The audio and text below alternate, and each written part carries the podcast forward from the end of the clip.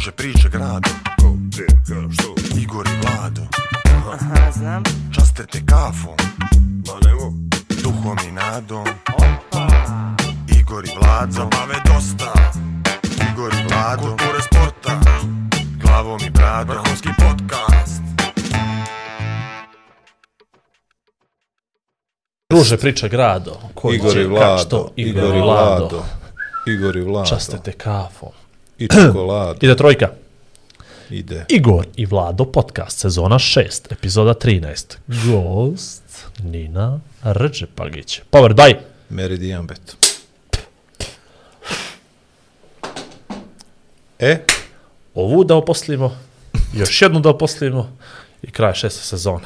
Što se mene tiče, dođe ženu u gosti, veli ovu doposlim. što se mene tiče, epizode Dobro, vlade, spo- a, epizode vlade, ženskog roda, Posle veli epizoda je, Okej. epizoda je ženskog roda zato što je epizoda nježna, epizoda je pažljiva, epizoda mora se njeguje, oko epizode mora da se radi, epizoda neće sama, znaš, to je epizoda ženskog roda, to je to. O, Počeo se si da rimuješ. A, te, ja sam vas za takav bio. Epizoda si me- ženskog roda. Konstantno si me sputao. Eto, ne bi ni znao da je epizoda ženskog roda, da meni si nagnao da se brani Da te nisam stvari. nagnao, jel? Jer meni je to sve, ja ne posmatram takve stvari kroz muško-ženske odnose, kroz on, ona, ono. To vi malo opterećeni posmatrate i onda vam je sve vam je crno ili bijelo, razumiješ?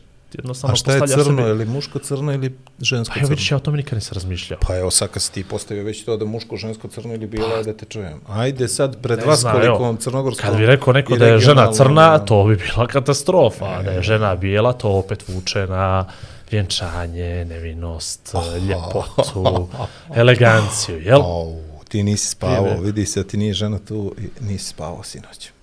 Mogu ti reći da baš dobro spao. baš ono opušteno, bez, Jel? bez, bez ikakvih problema. A inače spavaš neopušteno i sa problemima kad je ona tu. Pa je to opet ti izvlači takve zaključke. Hoću da kažem da je to potpuno nepromijenjeno. Kod mene je spavanje konstanta. Ja stvarno nema Kod takvih mene problema. nije. Čvrst stan. Dobro, ajde. U- Uglavnom, mm, Nismo dobro počeli. Ja sam fantastično počeo. Youtuberi, tiktokeri, instagrameri, Facebook, jel se kaže facebookači? Facebookači, zavisi, zavisi koga targetujem. Ovaj, a, hvala za sve klikove, lajkove, šerovi, subscribere. Dobro. Sad smo prebačili već to u ovoj epizodi skoro 20 miliona pregleda. Imamo po ovim društvenim mrežama, ove naše šorcevi i reelsevi, što je Tako je. skroz ok.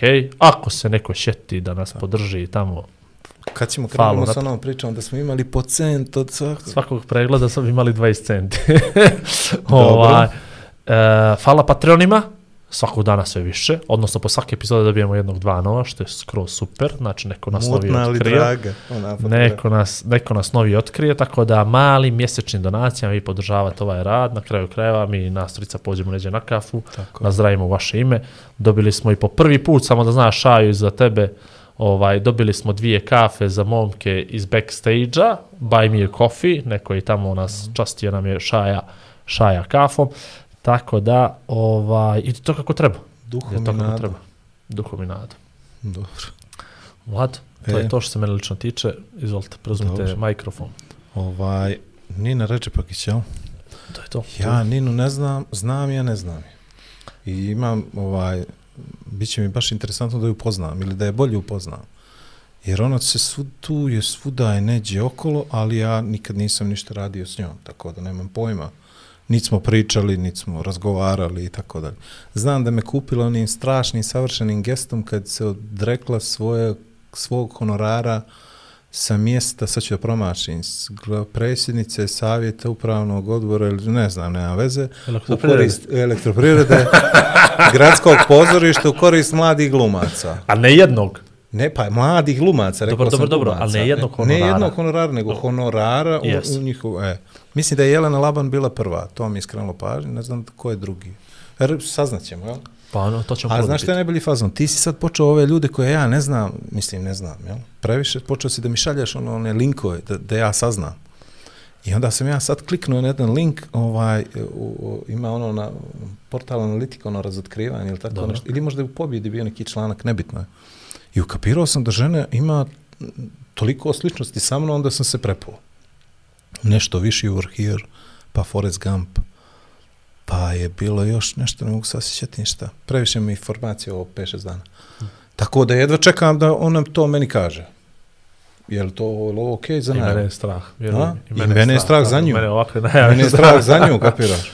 Tako da ovaj... Dobro, eto, dobro si ovo odradio, dobro, to nećemo ti mijenjati ozbiljno. Za Ne, ove pa najave, je, stvarno, evo, ovo, ovih, ovih, šest puta što treba, ovih 80 epizoda, sasvim korektno si to odradio i mislim da to treba tako da nastaje. Tako je. Ništa, onda je stalo ono što ja najviše volim da kažem, a to je, ajde Nina, Nina. izvolite i skuvaj mi kafu.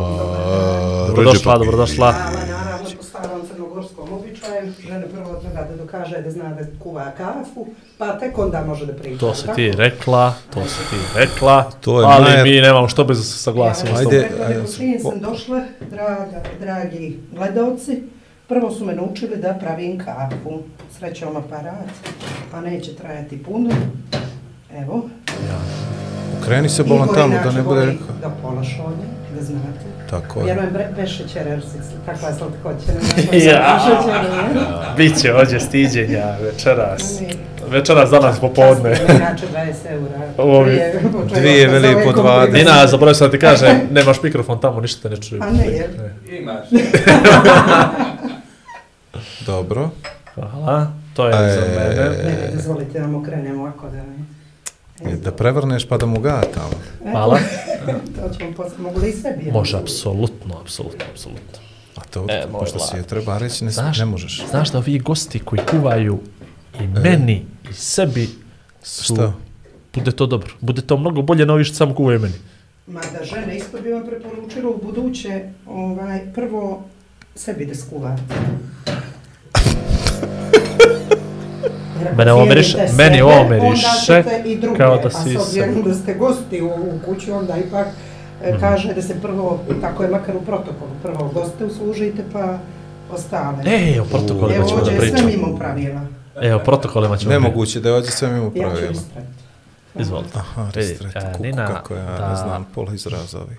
Da je... Da ovo je Poštovanje, je Perović, meni je žao što ne mogu da se ustanem sad, ali... Ovo mi je, ovo mi je trauma iz mladosti. Ispričat ću vam. to, jel? Pa ja sam se uvijek nekako puno družila sa muškarcima i prilično sam imala tu, jeli, mušku energiju, kako je nazivaju, onda su se svim ženama, ja to često pričam u mom okruženju, javljali, znate, ono, normalno je ruku pruža meni kao Lakers i ono, bači pet, ta varijanta. I ja sam se dugo trudila da tu svoju ženstvenost, znaš, Iskažeš. ispoljim, ovaj, ali evo ne ide, mislim kako s kim. Da, ne samo... Nije sve ne, do mene. Nije, nije, E, vjerujem vjerujem. Nešto je u oku posmatrača. ovaj... Hvala na pozivu, ne. prije svega. Hvala što si došla. Ovaj, ovo, ovo, ovaj hejt, ovo, Dobro. ovo, to je normalno. I ovo što mi hejtujemo jedan drugoga, tokom snimanja i sve, to je iskreno iz dubine srca. Dakle, Dobro. mi se ne foliramo, mi stvarno mrzimo jedan drugog. I to je ono, i to što I to misliš se vidi. gluma, i to se vidi, i to je očigledno, Mržnja, znaš. bip, Ne, mržnjem, nego, ne, ne mrzimo se mi, mi se samo ne volimo. To Tako, je to je to. potpuno okej. jel? To je potpuno legitimno. Da, to je potpuno Dok Ali- ne činite loše jedno drugo. Tako, Tako I je, zajedno tako smo na istoj misiji, a to je da pribavimo sebi imovinsku korist. I, Pa ste mene nažalost, zbog toga, nažalost, ne, mene ne, ste za ovih 20 miliona zovete. I ne ide nam. ne ide nam još, Dobro. ali dalje smo na istoj misiji i dok se to Dobro. sve ne zaključi. Anyway, Dozvolite da nešto kažem. Izvolite. Vas dvojica, ne ti Igor. Ovaj, ja bih rado bila u misiji i produkciji ovakvog jednog sadržaja. Zato što mislim da je konzumentima televizijskog sadržaja ovo stvarno osvježenje. Naročito u vremenu u kojem živimo, da ne budem sad ovaj, e, pesimistična, ja sam generalno neargumentovano optimistična uvijek, ovaj, ali stvarno da vas pohvalim. Ja i nisam puno ovaj, epizoda gledala do trenutka dok me Igor nije pozvao, a onda je li proradila mi je savjest i onda sam svakog dana klikala po jednu i stvarno svaka čast. Sad shvatam zašto vas svi toliko vole ovaj, i zašto vas gledaju. I stvarno nisu oni lajkovi kupljeni to Da, konstantno. ovaj, mene uvijek interesuje, me, o, da. Evo vas Mene uvijek- pomiri. Ne, ne, ovo je, ovo je, samo, ovo je samo za gluma, za gluma za, gledalice. za ova. Ja uvijek kad mi neko tako priđe pa krene da priča, to ja kažem jel nas teže gledat ili slušat? Prelijepo vas je gledati. Dobro, Jedva si čekao da ti ovo kažem. Priz... Vidjela sam tačno u očima želju za kompliment. U očima li vidim tugu. Ovaj, dobro, što se tiče gledanja, to je do Šaja, ovaj, on, on to fantastično miksa. Što se tiče slušanja, to je također do Šaja, on to fantastično miksa.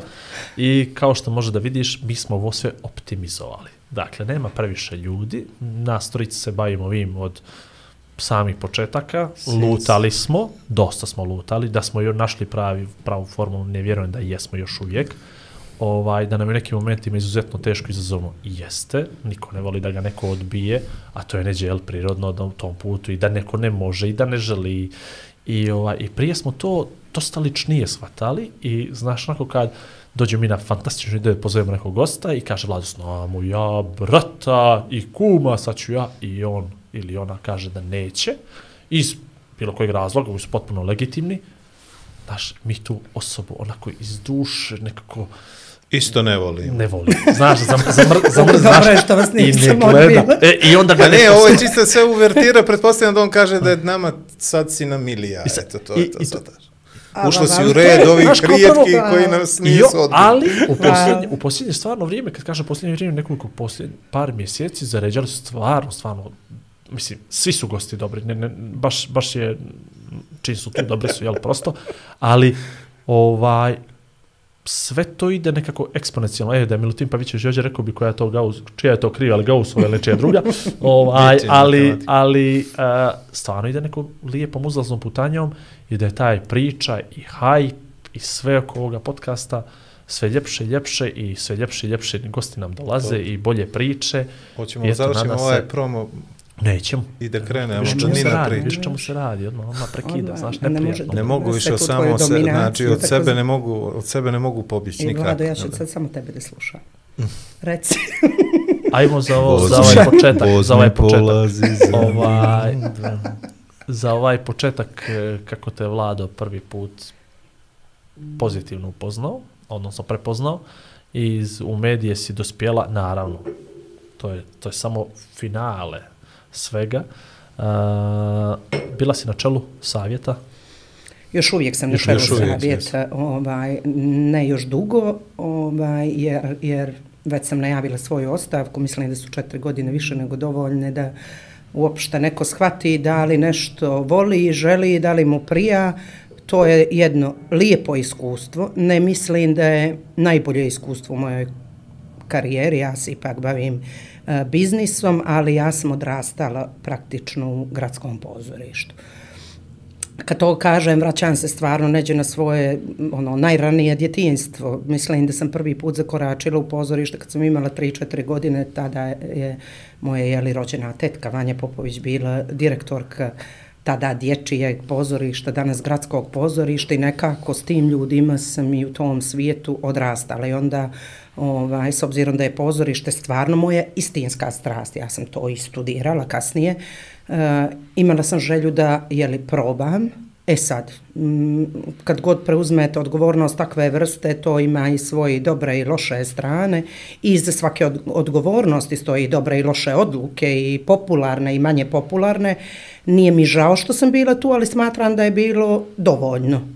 Da li bih ponovo? Ne bih, iskreno da budem, jer mm, jako je teško nekome koji iz potpuno jedne druge priče, koja je prije svega biznis, ja sam u životu uvijek, uvijek i samo ovaj radila samostalno, znači bila sam privrednica, znači urodnu ravnopravnost sam ispoštovala. Pošteno. Ovaj, Sasvim I onda mi je jako teško da se naviknem na bilo što što je nekakav institucionalni model. Da nešto mora tako. Da, da. Znate kako je, evo znate u Da vašem prođe poslu. kroz Nema mora, nego straži način kako da stignemo do cilja. Institucije su nešto drugo, one traže svoju proceduru, svoje forme, sve ono što ja u suštini nisam. Znači, ja nisam osoba forme, mada volim formalnosti kad su neophodne, ali to je već nešto drugo vezano za, To za ćemo- protokol. za Ali ajde da se vratimo mi na ovaj moment. Ti, kako ti je palo na pamet uopšte? Mislim, to, su- to je presedan u... Ajde, bilo je sad ovih nekih presnika opština koji su odricali nekih svojih honorara u korist, ne znam, osoba koje su nemaju i tako dalje. Ovaj, ali ti si povezala tu tvoju funkciju sa tim tvojim honorarom koji si na kraju proslijedila mislim onima kojima najviše treba, a to su ljudima koji počinju da se bave nekim poslovnim profesijama. Ovaj, pa znaš šta ću ti reći? Ajde prije svega da se vratim na to kako sam uopšte došla tu. Tadašnji jeli, gradonačelnik uh, Podgorice Ivan Vuković me pozvao da prije svega svoje produkcijske jeli, svoje, svoje produkcijsko iskustvo prenesem i da pokušamo da stvorimo neke nove stvari. Ne bolje, nego nove stvari. Uh, vi sami znate kakva je Crna Gora. Ne u ovom trenutku, nego decenijama. Znači, to su uvijek nekako uh, jeli, naročito savjeti pri institucijama su dosta vezani za političke partije. Ja nisam politički niti aktivna, niti sam aktivista, niti sam dio neke političke partije i to je i bio moj uslov. Hoću ako to ne podrazumijeva bilo kakav politički angažman, zato što sam negdje ali to opet, evo, malo digresija, imam davno, davno, jeli, s tom politikom kroz porodicu, imala jedan ovaj e, susret i prosto shvatila sam da to sve što ne želim je politika u životu. Ovaj, naravno da imam svoj stav i da imam svoju ideologiju kao svako misleće e, biće, ali to je bio moj uslov i e, vrlo sam zahvalna zbog toga što e, se pristalo na takvu jednu vrstu mog učešća u svemu tome. Odluka da se odreknem je prije svega zato što ne mislim da ja svoj život e, tim honorarom mogu na bilo koji način da unaprijedim. Kvalitet svog života. Niti svog, niti meni bliskih ljudi. Jasno. Ja nisam puritanka koja će vam reći ja ne bih uzela taj honorar da znam da ću da pomognem nekome iz svog najbliskijeg okruženja, nekom ko je socijalno ugrožen. Ugrožen. Znači, vjero, vjerovatno bih se na to odlučila. Još jedan razlog zašto ja nikad ne mogu u državnoj upravi da radim, jer vjero, naravno da bi mi bili i prioritet oni koji su mi najbliskiji. I zbog toga i radim ono što radim. Ovaj, e, odlučila sam da to pripada studentima. U stvari, to je novac građana. To praktično i, kako bih rekla, nije moj novac. Morala bih da ga zaslužim da bih ga dobila. Nijedan logički osnov nisam našla da ja je li taj novac uzimam. I mnogo mi je drago što sam smatrala da treba da ga uložim tamo gdje je potpuno prirodno nešto što je logički vezano za instituciju kojoj ja radim i boravim. Jako bitna stvar, PR tog tipa nije dobar ako za cilj ima samo promociju. I ja zato nisam pristalica toga da se sad o tome nešto puno priča. Ali to bi moglo da bude poziv na akciju mnogim drugima. Znači, e, ljudi koji su, naročito ljudi iz biznis sektora ili ljudi koji imaju egzistenciju u nekom smislu zatvoreno i to im neće značajno promijeniti život, treba da dio sredstava usmjere na one kojima će to stvarno da promijeni život.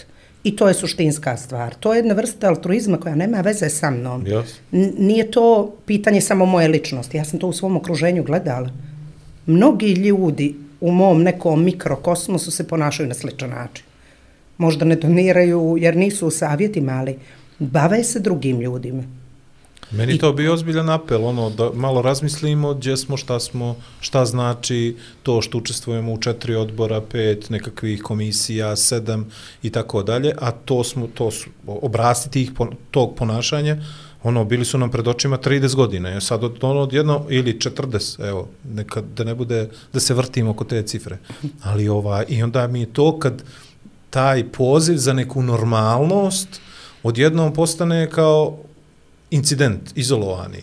I onda mi je to skrenulo pažnju i pomislio sam, e sad bi dobro bilo da se neko dozove pameti, međutim još uvijek se slabo ko doziva pameti na taj način. Pa ne znam možda zašto. ima takvih slučajeva, nego mi, mi prosto nekad i oni ne dođu do javnosti. Ovo je prosto takav posao. Moj posao je javan. Ljudi iz mog okruženja su prilično zastupljeni u javnom komunikacijskom prostoru. Sigurna sam da ima. Ima ih u mom okruženju, pa se ne zna. I nije ni važno, znali se dok god pomažemo. To je Jasno. suštinska stvar. A dobro, ali ja mislim da, da, da neke stvari, pogotovo vezano za taj altruizam, moramo da, da predstavimo ljudima. Jer ako, ako vidimo da Igor pomogne nekome, da Vlado pomogne nekome, da Nina pomaže nekome, mislim da ćemo to tako naćerati što više ljudi da i oni pomognu neko, ako su u mogućnosti i situaciji. Jer ovo, dogod pomažemo ispod stola, uh, Izvini, Vlado, ovo kao Igor meni, ono, daj mi je, evo ispod stola. tako je. vidim ja da ali to, do stola. ali to što stavimo sve ispod stola nije vidljivo mnogima i onda ne, ono kao što je uspjeh zarazan ja mislim da je to altruizam može da bude zarazan. Ako meni nije, odnosno Igoru, žao da, da radi volonterski neke stvari, onda će vjerovatno i ja u nekom trenutku početi to da radim. Pa ćemo to nekako da prenosimo s koljena na koljeno. Zato mislim da, da su ovakve stvari, tvoj čin i gest, jako bitni da se pokaže, da se misli i na neke, pogotovo generacije koje dolaze, koje tek počinju i koji ima svaki taj neki euro, koliko god da ga je, fenomenalan da se, da se ono, da ima neki vjetar u leđe, pogotovo kad vidimo gdje živimo, kako živimo, i ono, bilo je prije neki dan 61% građana Crne Gore na ivici neke... Siromaštvo, da, to sam Siromaštvo, tako. Ja da se uključim na ovo, da ti ja dijelom odgovorim. Prije desetak godina bio sam uključen dosta na ne, puno nekih predavanja, okrugli stolove vezano za CSR, odnosno društveno odgovorno poslovanje, tu smo i mi Vi ste po tome i prepoznati jest. kao I firma, bilo jedno, tako? jedno, jedno pitanje se stalno vuklo na, po, u, u svakoj to nekoj konferenciji, a to je bilo pitanje i iznenađene publike koja je to prvi put slušala, št, kako vi odnosno vi koji jeste prepoznati kao društveno odgovorni, kako vi da utičete na druge kompanije da i one postanu društveno odgovorne. I to, prvi put me to pitanje stvarno onako zateklo i onda sam počeo da dajem jedan tisti odgovor koji evo sad ću -huh. ovaj, odgovoriti, to je uh, nas troje da sad krenemo da šetamo gradom i vidimo prosijaka, jedno od nas će da posegne u džep, da će, i ako drugo dvoje ne osjećaju to da treba da urade, a ja ih natjeram da to urade, pitanje je kako će oni da se osjećaju. Da li će se oni osjećati dobro, kao što se ja osjeća dobro, ili će se osjećati kao da je to bilo nepotrebno, loše, i zapravo da ti ne možeš nekoga da natjeraš da izgradi dobar osjećaj koji gradi to pomaganje drugim ljudima. Dakle, to treba porodica da usadi, to treba društvo i zajednica da usadi u tebe, a ne da ti se nametne. Jer to što ću ja tebe da natjeram, da ti pomogneš, ne znači će to da izazove jednaku emociju kao što je u meni izaziva, a u meni izaziva jako lijepu emociju. I u tebi dokazano izaziva jako lijepu emociju. Ali možda kad bi pričali o tim emocijama, znači, i, to je sad i pitanje e, načina na koji ti tražiš reakciju od tog nekog drugog. Ja često vidim da mi pričamo o tome to treba ili to mora. A kad bi možda pričali upravo o osjećaju koji to što radiš izaziva, naročito kad je taj osjećaj pozitivan. Jer mi jako često pričamo o negativnim emocijama i osjećajima koje nam stvari izazivaju. Sve stvari u životu. Na dnevnom nivou to što nam se dešava. Možda kad bi pričali upravo o tome, e, znate kako se ja lijepo osjećam kad to uradim. Pa onda nekako i mirnije spavam. Pa onda mi je lijep osjećaj kad vidim tu djevojku ili, ili tog dečka kako na sceni Tako. naprave maestralnu ulogu. Mi osjećajima treba da pričamo. Ti si sad ključnu stvar rekao. Mi treba da pričamo o emocijama od kojih se tako uspješno kao društvo branimo. To je to. A to je u stvari najprirodnija stvar za svaki odnos. To je to. A, Ovaj. rekla si jednu stvar, a vratit ćemo se na početak, pošto mi krećemo sve iz početka, ali mi je ovo strašno, mi je nekako super si to rekla. A, rekla si da mi svi imamo neku svoju ideologiju, naravno kao e, misleća bića, a ja hoću sad da te pitam nešto drugo, a to je, da li ideologija kao takva, ideologija može kod ljudi, je li prirodno da se kod njih to mijenja, odnosno da ljudi evoluiraju u svom mišljenju, dakle ti spomenula politiku, da ne želiš da se baviš politikom, ali da kako imaš svoju neku jel, ideologiju, da li je to prirodno, da li smatraš da je prirodno i da li je moguće da se ideologija kod čovjeka promijeni tokom godina sazrijevanja, odrastanja i bivanja. Sad ne kažem da neko na silu promijeni iz neke koristi, kratkoročne, dugoročne, nego pričam sad da ljudi zaista promijene ono u što vjeruju tokom svog odrastanja i, i- i bistovanja. Pa ja, ja mogu samo isključivo svoje mišljenje da kažem. Uh, ja sam mijenjala u životu partnere, je tako? Mijenjala sam mjesta u kojima sam živjela, mijenjala sam automobile. Za mene najprirodnija stvar da je sve u životu sklono promjeni. Ali šta mora konstanta u tim promjenama da je? Integritet. Ja stalno o tome pričam. Zato što ono što ja ne mogu da razumijem, to je da u trenutku kad ste vi, kad preko puta sebe imate neistomišljenika, da vaše mišljenje mora da podilazi ukusu mase ili toga koji je ispred vas, da bi u tom trenutku postigli neki cilj. Ja sam strašan protivnik takvih stvari. A što se mišljenja bilo kakvog tiče, potpuno mi je prirodno da se mijenja. Pa mijenja nam se mišljenje o ljudima, pa mijenja nam se mišljenje o partneru. Koliko ste puta imali djevojku ili, ili evo, e, ja momka, znate ono, e, super je, divan je, krasan je, dok se ne ispostavi suprotno. Srećom, ja nisam imala takva iskustva, ali ljudi su imali takva iskustva. Moramo da uvedemo, moramo.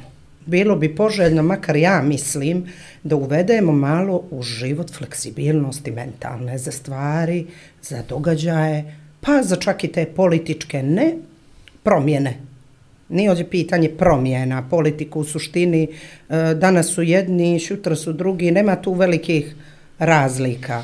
Suština je da mi u tom procesu mijenjamo sebe na način da postajemo bolji, ali da onog sebe s početka, ukoliko je taj temelj dobro postavljen, ne prilagođavamo drugima da bi ostvarili kratkoročne interese. To je to. Tako da moj odgovor na to je, iako ovako Jasno. previše možda deskriptivan, da, normalno je da mijenjamo A mišljenje. dobro je, ovaj, politika, svi se mi bavimo politikom, samo se, odlučili smo se ne bavimo na klasičan način, Eto. nego jednostavno nekim idejama, nekim primjerima iz prakse, gdje na, nalazimo na neke, nalazimo na neke anomalije, jednostavno nekako uperimo prst ili podignemo glas ili napišemo neki status, sve to politika. To je uticaj na društvo, je politika samim tim što ti nisi odlučio da ćeš biti poslanik ili ona se nije opredijelila ili ja ili pogotovo zbog nekih loših primjera iz okruženja, to ne znači da, da mi ne, ne, ne razmišljamo o društvu i ne pokušavamo da ga napravimo boljim, a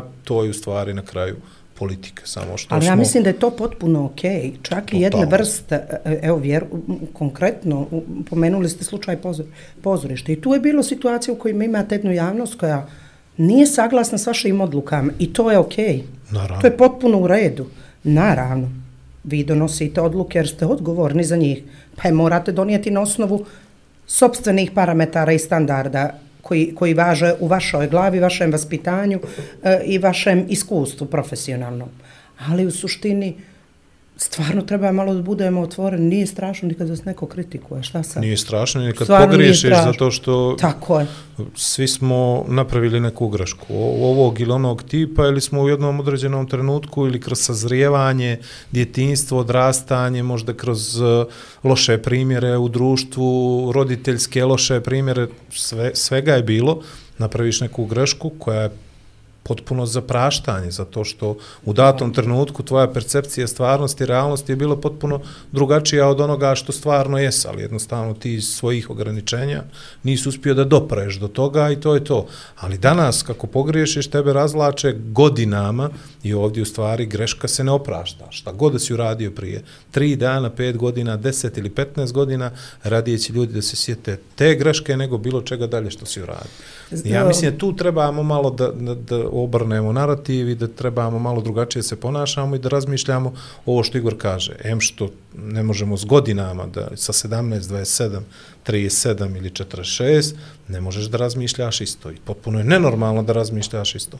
A pogotovo što ti vrijeme donosi potpuno drugačije ne znam, vjetrove koji te čeraju da na različit način razmišlja. Ti si sad rekao jednu lijepu stvar, ovaj, pomenuo si oprost, ja inače mislim da su, pošto evo sad, jeli, to nam je e, trenutna retorika, pa ja mislim da je zaista e, najljepša molitva da su upravo zahvalnost i oprost. E, ovih dana vidjeli ste i ovaj, vidim da ste i aktivno uključeni kroz novinarski posao, ovaj, da je velika polemika oko statusa umjetnika u Crnoj Gori. I vidim da se vodi intenzivno priča o tome, e, gdje ste vi bili ovo vrijeme. Potpuno je prirodno da se neko aktivira u određenom momentu svog života. Znači, možda ja nisam imala potrebu prije 20 godina trčeći za stvaranjem novih iskustava, ne znam ničega, bez potrebe da se opravdavam, jer ja sam dobro sa sobom i to je suštinski najbitnije. Najbitnije je da grešku sebi oprostite. Uh, imate situaciju u kojoj gdje ste, nismo bili, ali sad smo tu i idemo sad. Svaki početak je dobar ako nosi liniju progresa, ako nosi liniju napretka, ako nosi li, liniju poboljšanja, naročito ako je u javnom interesu. Mi smo tu konstrukciju javni interes prilično stavili u ćošak. U, u Jer mi svi radi... Opšte je dobro ne postoji. Opšte je dobro, to je meni bitno. Radi ti za svoje dobro. Ja nisam protiv toga da neko stvori za sebe. Naprotiv, mislim da je to super odlika jednog pojedinca. Ali isto tako, onog trenutka dok stvaraš nešto za sebe, samo se sjeti da na tom putu uradiš nešto što je za opšte je dobro. Jer to je suštinski bitna Ili stvar. da ne otimaš od opšteg dobra. Ili da ne otimaš Što je po meni ozbiljan grih. Eto. E, to su možda neki, neki, neke tačke koje bih ja posmatrala da ne narušim tro, tokom svog profesionalnog i, i intimnog puta. Znači da pokušam da integritet e, nikad ne stavim na licitaciju i da na tom putu potrudim se da što manje ljudi povrijedim a naročito ne da uništavam nečiju egzistenciju. To bi tak bilo katastrofalno. Jasno. E, dobro.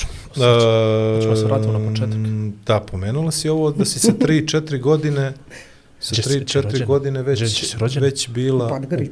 u Titogradu. U Titogradu, To, da. To, tako je kreni Vlado, To ne je, modem to je ova preskačeš. vremenska barijera koja mnogo govori, znaš, kako gdje... Koliko ko ima godinu. E, to. ovaj, a, pomenula si to da si već sa 3-4 godine pozorište imala ta prva iskustva. Šta- Čega se stvarno prvo osjećaš, ili to? Uh, moram vam reći nešto. Ovaj, imam veliki izazov sa pamćenjem. Dobro. Ne od skora, nego ja imam baš rupe kad je moje djetinstvo u pitanju. Jednostavno, malo čega se sjećam. Uh, pokušavala sam razloge uh, tome da nađem, onda sam shvatila da me puno ni ne zanimaju razlozi iz, ra, uh, iz razloga što u familiji imam dvoje koji tako dobro pamte sve detalje i onda je meni njim, strašno zanimljivo da slušam njih kako pričaju o mom životu. Ovaj, um, sjećam se baš nekih onako Znaš čega se sjećam? Sjećam se muzike. Kod nas je u kući stalno muzika bila prisutna. Svi su svirali i pjevali. I društvo. Dugo je vremena prošlo da bih ja shvatila da je u stvari sve to bila strategije ovaj, konkretno moje ovaj, mame Mile, danas drži pod kontrolom. Kako? Tako što ona okupljala stalno naše društvo kod nas. Svi su kod nas dolazili. Onda ona tu imala magnetna Pregled, rezonanca da. familije. Znači ona je tu imala tačan pregled a, ko je kakav, šta treba da se izbjegava i tada. Tako da smo se mi dosta okupljali kući kod nas, gdje bi svirali, pjevali i nekako je društvo tadašnje moje ovaj, bilo jako koncentrisano oko umjetnosti generalno. Pjesme, filma, pa i plesa, slikarstva. Odrasla sam u porodici koja je jako, jako njegovala e, kolekcionarstvo, ovaj, naročito slikarstvo i meni je žao što Crna Gora ne koristi taj svoj brend, jer mi smo zemlja slikara, vi to nigdje nećete naći u uh, turističkom jeli, brendiranju zemlje, nećete mm -hmm. naći Crna Gora zemlja slikara. Naši slikari su u svjetskim enciklopedijama slikarstva.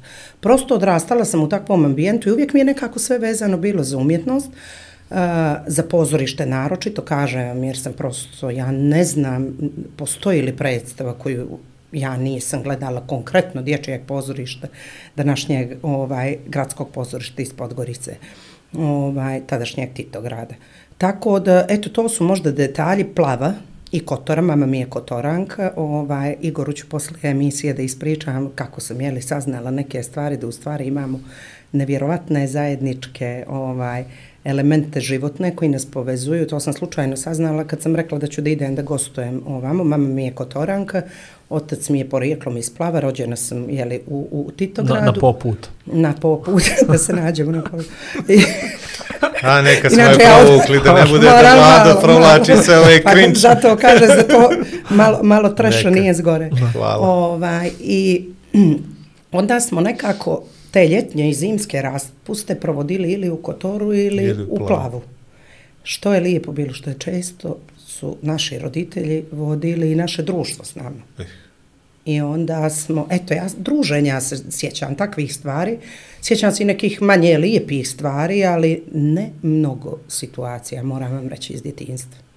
Jasno. Ovaj, Viš što, dobro. opet, ovo, nisam ja nikad razmišljao o djetinsku o djetinstvu, ali to podsjećanje na te stvari zapravo govori nedostatak tehnologije u tom vremenu. Mislim, sad naša djeca, ja sad, kad pokažem sliku nekom mom djetetu kad je bio mali, na primjer Nora prepoznaje i Laru kad je bila mala i Leo kad je bio mali. Ja sebe, kad sam bio mali, mogu se prepoznati sebe i brata, i dalje neku širu familiju, ja već ne znam je li to Vanja, Tina, Ivan, Marko, sad pričamo ovi najbliže su, ja, to, Pa ja imao to si ne znam. fotozapise To je nešto i to je to. i to, Ajde. je to. A sad, mobilni telefoni, sve u galeriju, sinhronizovani telefon sedam godina već pamti, mm -hmm. sve na cloud. Ono, od, od momenta bebe do mom, znači, djeca sad proživljavaju konstantno, i da ne pričam o putovanjima, pa se on to stalno fote, pa zapisi, pa priče, pa vicevi, pa prva pjesma, pa Tako prvi, vi, je. pa prva ša, prva predstava. Oni to gledaju, oni to nostom konzumiraju i mislim da njima se pamćenje konstantno osježava s tim stvarima. Ja sam bio sad kod, kod Ive u, u odjeljenju da im ono kao nešto predstavim novinarski posao i dok sam išao prema školi u kojoj sam ja učio, počelo je ono da, da mi se postavljaju pitanje neka, znaš, ono ideš prema i kao ono, čovječe, ko mi je ono prva učiteljica, ono, kao sram, istit bilo, ne mogu da se sjetim ko je prva učiteljica. Ja se toga sjećam, recimo. Pazi, a onda odjednom se sjetim da smo imali i drugu, pa se onda sjetim negdje da smo imali i treću, ali ja se samo sjećam druge imenom i prezimenom. I onda školskoj drugarici umeđu vremenu na Messenger šaljem poruku, ono, kao školska, koja je nama prva učiteljica, ono. I onda se ona sjeti da je to bila ruža izvisna, koju sam ja potpuno, ono, makao iz pamćenja. Ta žena za mene ne postoji, kao nešto ne postoji i ova koja se pojavila u četvrtom razredu, ali iz nekog razloga samo je tu. I onda, mada smo mi, čini mi se, previše toga preturili preko glave, ja, ja se malo šalim, a neđe sam sve ozbiljniji, da smo mi stvarno zaboravili više nego što su pojedini naučili. Odnosno, šta nam se sve izdešavalo, pogotovo tokom tih nekih formativnih godina, gdje bez obzira što nisu nam padale bombe ili ovo, ono, mi smo bili postalno neki, nekim stanjem stresa i ovaj... I, i, I infosfera, ogroman broj je, ono, informacija. Ono, bukvalno da smo ono, borili se za svaku informaciju i probali Tako da je. je zadržimo što duže. I onda sad kad te informacije čile i zbog godine i zbog svega, zbog ovoga svega što nas se dešava, gdje probamo da, da fatamo ovaj korak s vremenom, onda mi je potpuno ok da ima, tako da ako ti je što lakše, imam i ja te neke crne rupe, a pogotovo zato što nemamo ti neki foto, video, sadržaj koji će da nas podsjećaju stalno.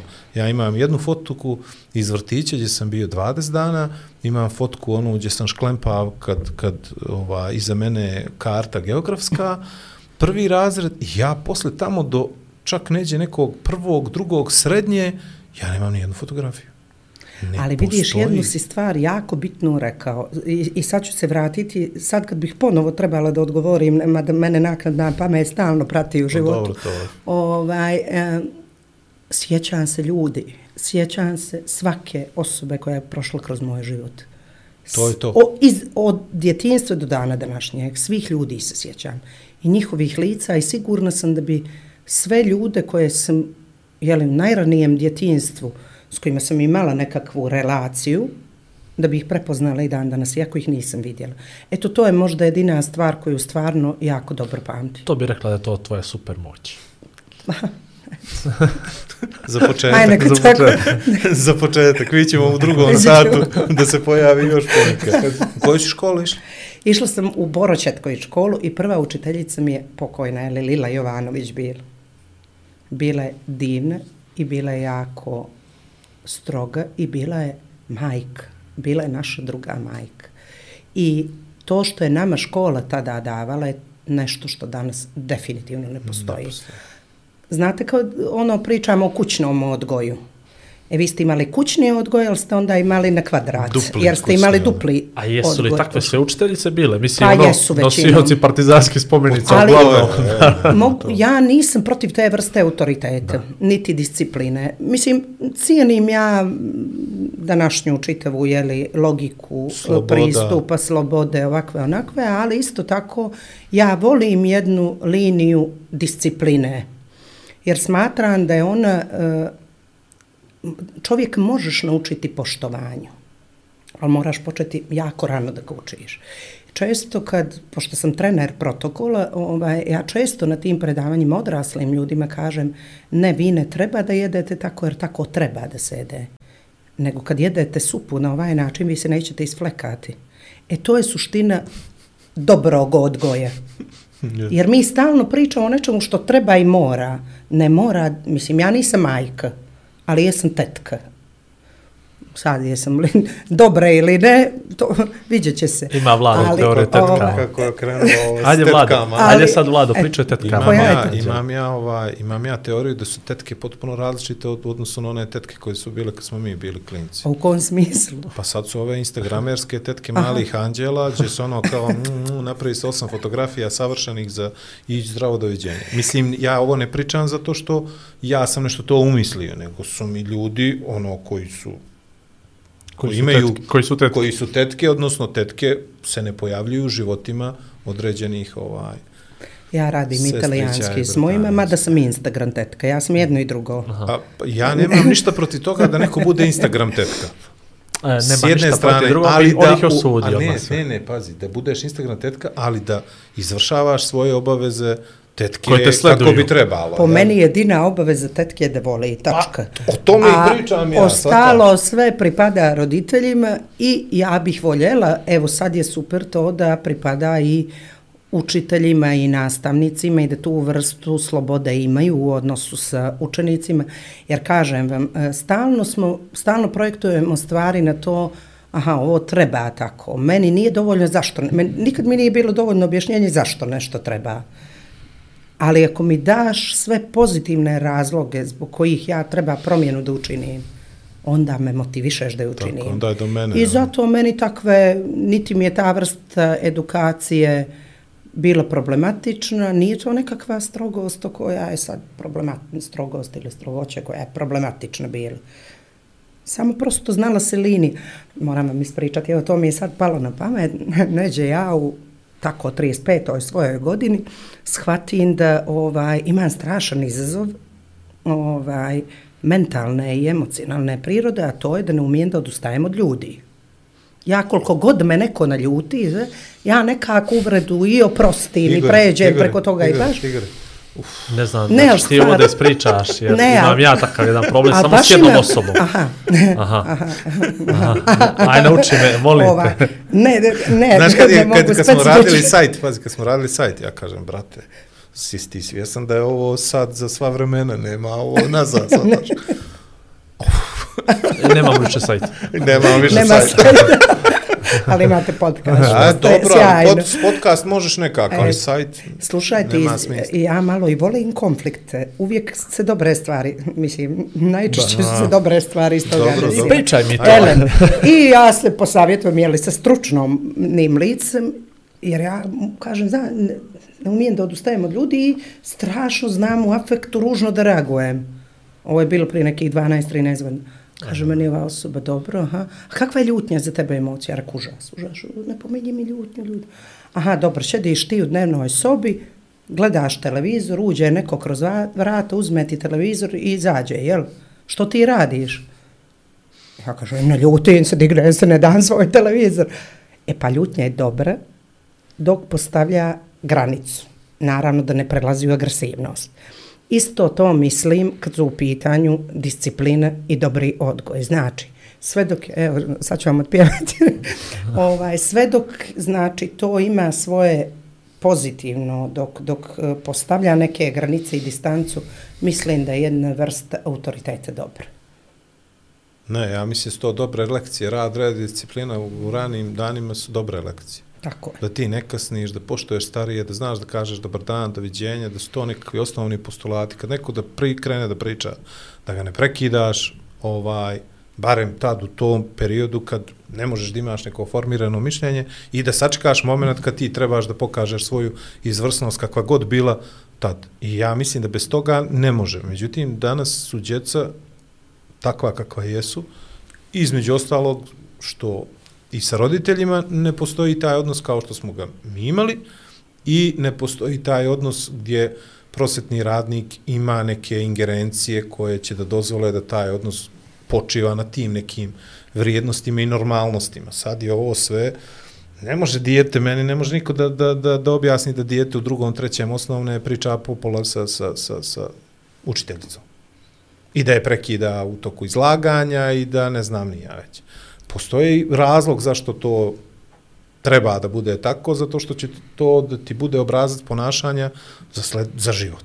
Potpuno I saglasna. to ćeš vrlo teško da promijeniš i ja vidim to i po generacijama koje dolaze, vidim i po, po mojoj čerki, vidim i po ostalim klincima koji se pojavljuju nekako u, u mom životu na različite načine, da jednostavno to, to bježi to nekako bježi od nas i onda se samo preliva. To je ono kao sistem spojenih sudova i onih nekih talasa koji idu Tako je. dalje. U jednom trenutku udari u zid ili u neku pontu, ubije ga glavom i onda kao šta se desilo?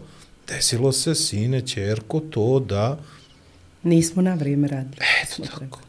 Tako da, ja mislim da to, ne znam, skloni smo, stalno ovdje to pričamo, da romantizujemo te neke uspomene i da nam ne znam nija, ali kako prolazi vrijeme, kapiraš da je onaj što je možda bio strog, u stvari bio samo pravičan, da onaj što ti je dao neku četvorku, tačno ti odmjerio ocjenu za tvoje znanje u datom trenutku i da je dobro što ti tad nije poklonio bilo šta zato što si kasnije morao da zapneš bolje da bi zaradio neku... Ma ja ne znam ni šta će ocjenjiva. Ma i 2023. to sam- godina ocjenjujemo još uvijek djecu. Mislim, za, za šta ih ocjenjujem? To su tek Pa evo, priče. ono. o, za 400 luča upisanih u E, gimnaziju to. prošle godine. Ta vrsta elitizma će da nas 400, ono 600, uništi. 400 luča je bilo u području gimnaziju upisano.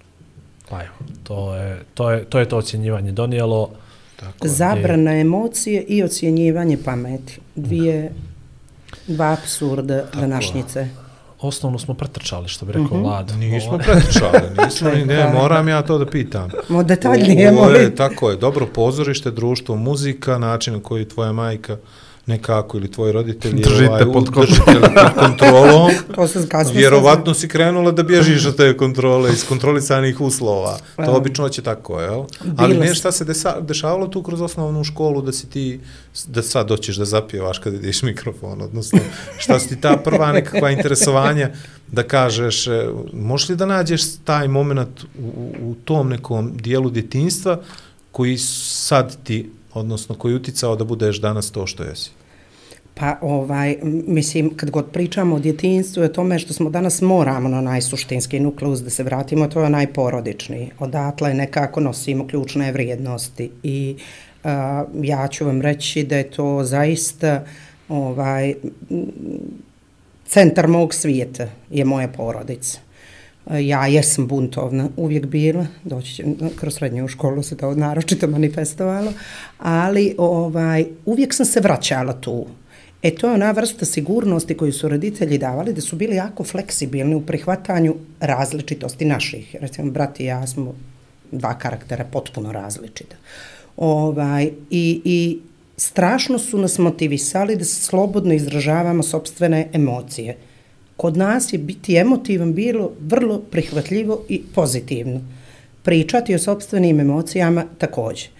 A, naravno, te emocije sad, evo, sad si me baš konkretno vratio, inače osjećam se kao na psihoterapiji, Jel to još tako malo ću se izgleda? šetiti sve. Poslije ćeš nam dati dva puta po 30 eura. A morat ću, Bogu. ovaj, nego, moji roditelji su stalno pjevali i svirali. Oni su izlazili u uh, konobe, tada po Kotoru, to je jednostavno, tamo se svi druže i to je lijepo što tamo sve generacije i dan danas izlaze, nekako ne zapostavljaju socijalni život zbog nekak... I onda bi mi uveče, recimo, ajde, tada smo i bili djeca, i onda su u kući stalno, svi su stalno pjevali. Strašno se njegovala kvalitetna muzika, e, njegovala se dosta dalmatinska muzika, džez, neki, ja sjećam, ja sam recimo Ray Charlesa i Nat King Cole slušala u kolima do plava. I za mene to nije bila novost od 10 godina. Sjećam se, su ljudi bili često iznenađeni kako to pjevaš. Mislim, to pjevam zato što to slušam. Da. Znači, sve ono što sam danas najvećim dijelom je zato što sam apsorbovala nešto što je bilo tada i što se pri... I to je vrlo bitna stvar kad mi kažemo namećemo. Dobro je nametnuti ipak neke stvari u smislu sadržaja. Kulturnih, ovakvih, onakvih. Nije se odjednom desio ni e, folk, ni sve ovo što bježi. Zato što je to jednostavno nametnuto. E isto tako, tako smo mi u tadašnjem, sjećam se, Citroen je bio, slušali tu vrstu muzike. Ja sam tu muziku navikla, naravno sam ja posle Tražila dopunila svoje to, lutalo. ali ovaj muzika mi je baš obi, muzika i slikarstvo, slikarstvo i pozorište su mi baš obilježili ovaj, djetinstvo, jer kažem, jednostavno to je u po- porodici bio manir. Dobro. Uh, gdje si prvi put kiksala kod roditelja? Šta se desilo? Ne smijem to da ispričam. Okay, Dobro. Ovo sve mi to ne, ja- to neću da ispričam. Ne smijem da ispričam jer me strah da bi bilo motivišuće za mnoge. Sad stvarno to Dobro, iskreno dobro, govorim. Ovaj, uh, nisam lagala. Kod nas se laž nikad nije tolerisala i strašno se in- insistiralo na otvorenosti i moram vam reći činjenica da sam govorila istinu i brat i ja da smo govorili istinu roditeljima je bila jako pozitivna za nas jer su se onda oni sve više otvarali, mi smo sve bivali slobodniji i slobodniji. I jači je bio odnos taj. Stra, to nam je uvijek princip, ajmo otvoreno, pa što god da bilo je tu stvari koje nisu baš prihvatljive roditeljima uvijek, ali mislim da je svaki roditelj u stanju sve da proguta, da je jako bitan način na koji to iskomunicirate i da je jako bitno da jedan odnos bude zasnovan na istini, na međusobnoj istini. Ni nas roditelji nisu lagali i to je jako bitna stavka. Ja. Niti smo šarene laže imali. Ovaj, kiksala, pa ja sad ne znam, možda njih treba pitati, ja, ja zaboravljam ružne stvari. To je Ne, ne, fantastično. I Ja drugima sam i sebi, jednostavno, ja, Mislim, to mislim da više to- brišem. Ja, Ja, mislim Ja da je to- ružna stvar, nego mislim da je to ono kao neki po, neko malo bježanje od normalnosti tadašnje, lupam. Sad si rekla si bila buntovna srednja škola i tako dalje. To su ipak neki momenti koji izlaze iz te neke nametnute normalnosti u tom periodu, iako je mladost mora da bude takva, jel? Ja barem to tako mislim. Ako ko nije pobjegao s časa, makar, mislim, nije, ne znam pa Što ovako, nije? Što nije? Mi možemo da kidamo ovaj nije, dio, ako nam ajde, se... Nećemo, ne, nećemo ne- kidat ne- ništa tako da pričaj sve. Ne, Pa ne, nego kažem, ne znam da li, da li, eto, to je možda bio moj kiks, ali na kraju se ispostavio, ovaj, eto, ima jedan koji je možda, da i može da se ispriča, ovaj, ako ne, vi ćete to otkrenuti, je li kao savjest. Ovaj, bil, jako rano, sjećam se mi mama rekla, sjela me ovaj, i rekla, znaš kako ti imaš astmu i jedina stvar koju ne smiješ da radiš u životu je da pušiš. I ja sam šutra dan prvi lord zapalila. Pušila sam 10 godina i u 23. godini sam ostavila cigarete i nikad više nisam zapalila cigaretu. Jer već u glupost od te teško da sam mogla da napravim. Prvo, ja ne volim cigarete, ne volim miris cigarete, ne volim da mi garderoba miriše na cigarete, kosa, ništa, jednostavno ne nema, volim gore cigarete. Ali eto, znala sam recimo tako, ja sam na zabran imala akciju od tih sam tipova. Ovaj, tada. Naravno, sad se to mijenja, s ove distance se svemu tome smijem, ali eto, možda je to bio kiks i glupost, mada i oni su super tu reagovali. Evo, hoćeš da pušiš, evo ti. Evo ti. Nema, ali da ti kažem, o, ovo ti je šteka cigara, jer nećemo da uzimamo cigarete, ali samo da ti objasnim što su negativne strane cigareta. E onda je bilo ono što današnja omladina naziva otvaranje glave, Glave. jeli, zašto ne i sve to. I uvijek su mi teži u stvari ti razgovori bili koji su trajali, trajali, trajali. Od, od, e onda odus- odustao bi, svako bi odustao, odustao a ne... A dobro, deset godina to za tren proće. ovaj, ali dobro, mislio sam prije no, Vlado mi uleti i onda aj ti dok se ja vratim. Mislim da je odlike inteligentnih ljudi da zaboravljaju ružne stvari. Pa ne znam, ali ja generalno dosta i opraštam i ne volim, prosto takav sam tip, idem dalje, ne, ne volim nikakve revizije prošlosti, ne vo, ja istoriju nikad nisam voljela kao, mislim, a, divno je i uvijek sam se divila ljudima koji onaj silni broj, silne one brojeve i godine mogu da zapamte, jer ja ništa ne pamtim. Ovaj, sjećam se da bila sam stvarno super đak, ali istorija, to je za mene bilo, ja totalni otpor imala prema u, ratovima, ubijanjima, sablje, junaci. Dovoljno ti je kontekst. Ovi loši, Ništa- mi dobri. e, to, je. ta priča i to je E, to. tako je, ali zato sve ostalo, sve što je lijepo i estete se, prosto volim lijepe stvari. Dobro, ne znam, ja sam imao prvu neku trojku iz istorije, majka mi se pitala kako ti to ne možeš da zapamtiš, a znam da možeš sve da zapamtiš, onda sam ja... Ja se ako mogu ja, ali neću. da... Neću. E, ali neću. A Ovaj, e, je li, je li, kako je bilo to društvo? Fenomenalno. Su to ljudi s kojima si danas u kontaktu, s kojima sad družiš, i su uspjela da, da su uspjela ta prijateljstva da opstanu?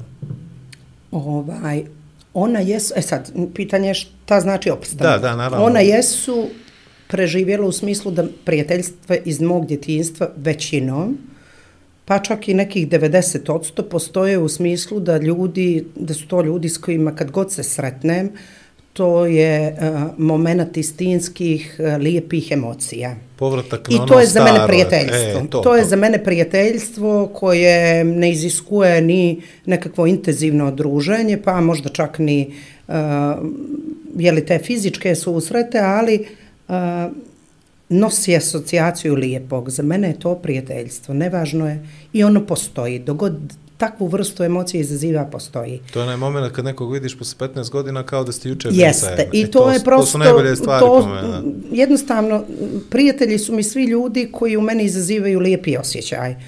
Što se tiče prijateljstava i ljudi s kojima provodim vrijeme, moram da vam priznam da su ljudi koji me trenutno okružuju, ipak e, su ta prijateljstva stvorena u nekim zrelijim godinama.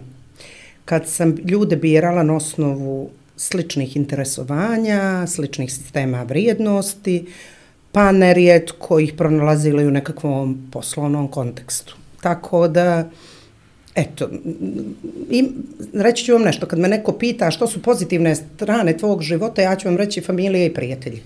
Baš sam ponosna na to što imam. I ne mislim da prijatelj može biti jedan, dva, tri, mislim da su to opšta mjesta i, i gluposti da prosto uh, što s- u tim nekim zrelim godinama kad izaberete znate zbog čega birate i to je super. Tu onda nema problema jer različitost prihvatate na, drug, na potpuno drugačiji način i znate koliko ste vi nesavršeni pa onda svačiju nesavršenost vrlo lako prihvatate.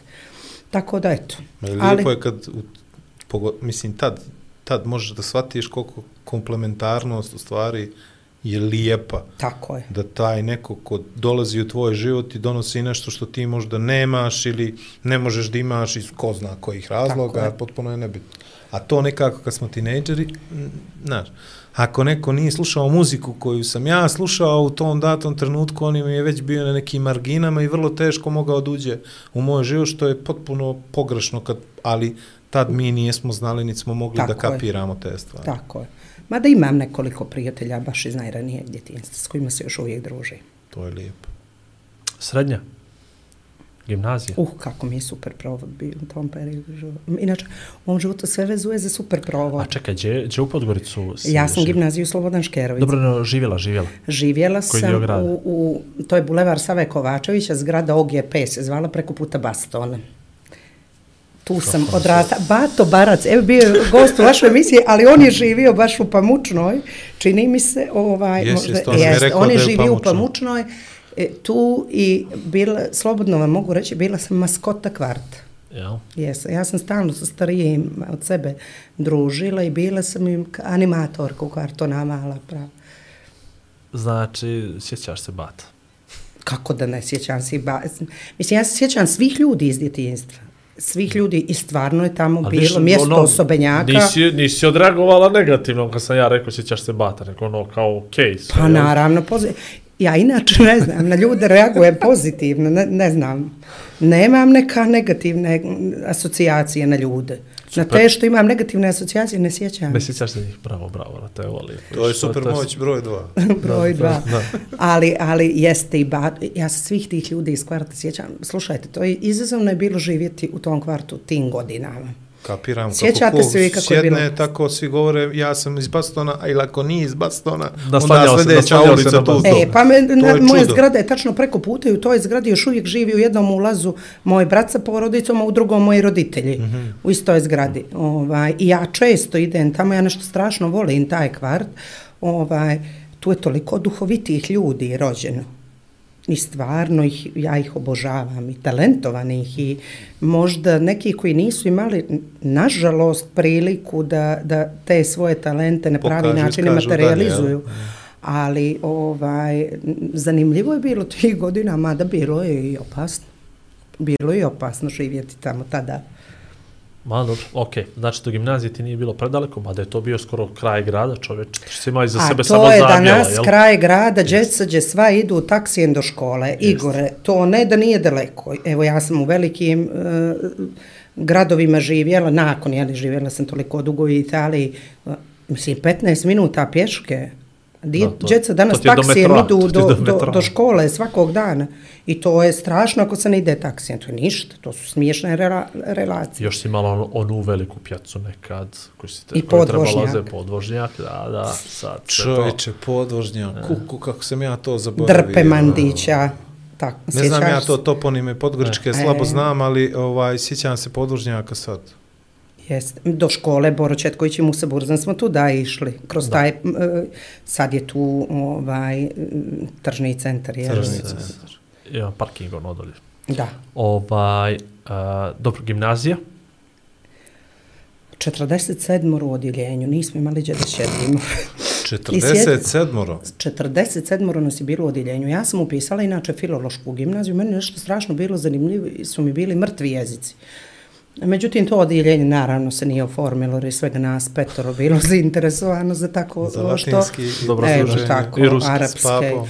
I onda su nas jeli integrisali u neko odjeljenje, ovaj, drugo gdje nas je bilo strašno mnogo. Sjećam se da i u trenutku kad bi ono bježanje sa časova je bilo nešto što je bio jeli, Dio ovaj, folklora, što Fol, tako. Kako ovaj, ćemo veli nas, Petro, pobjegnemo s čas.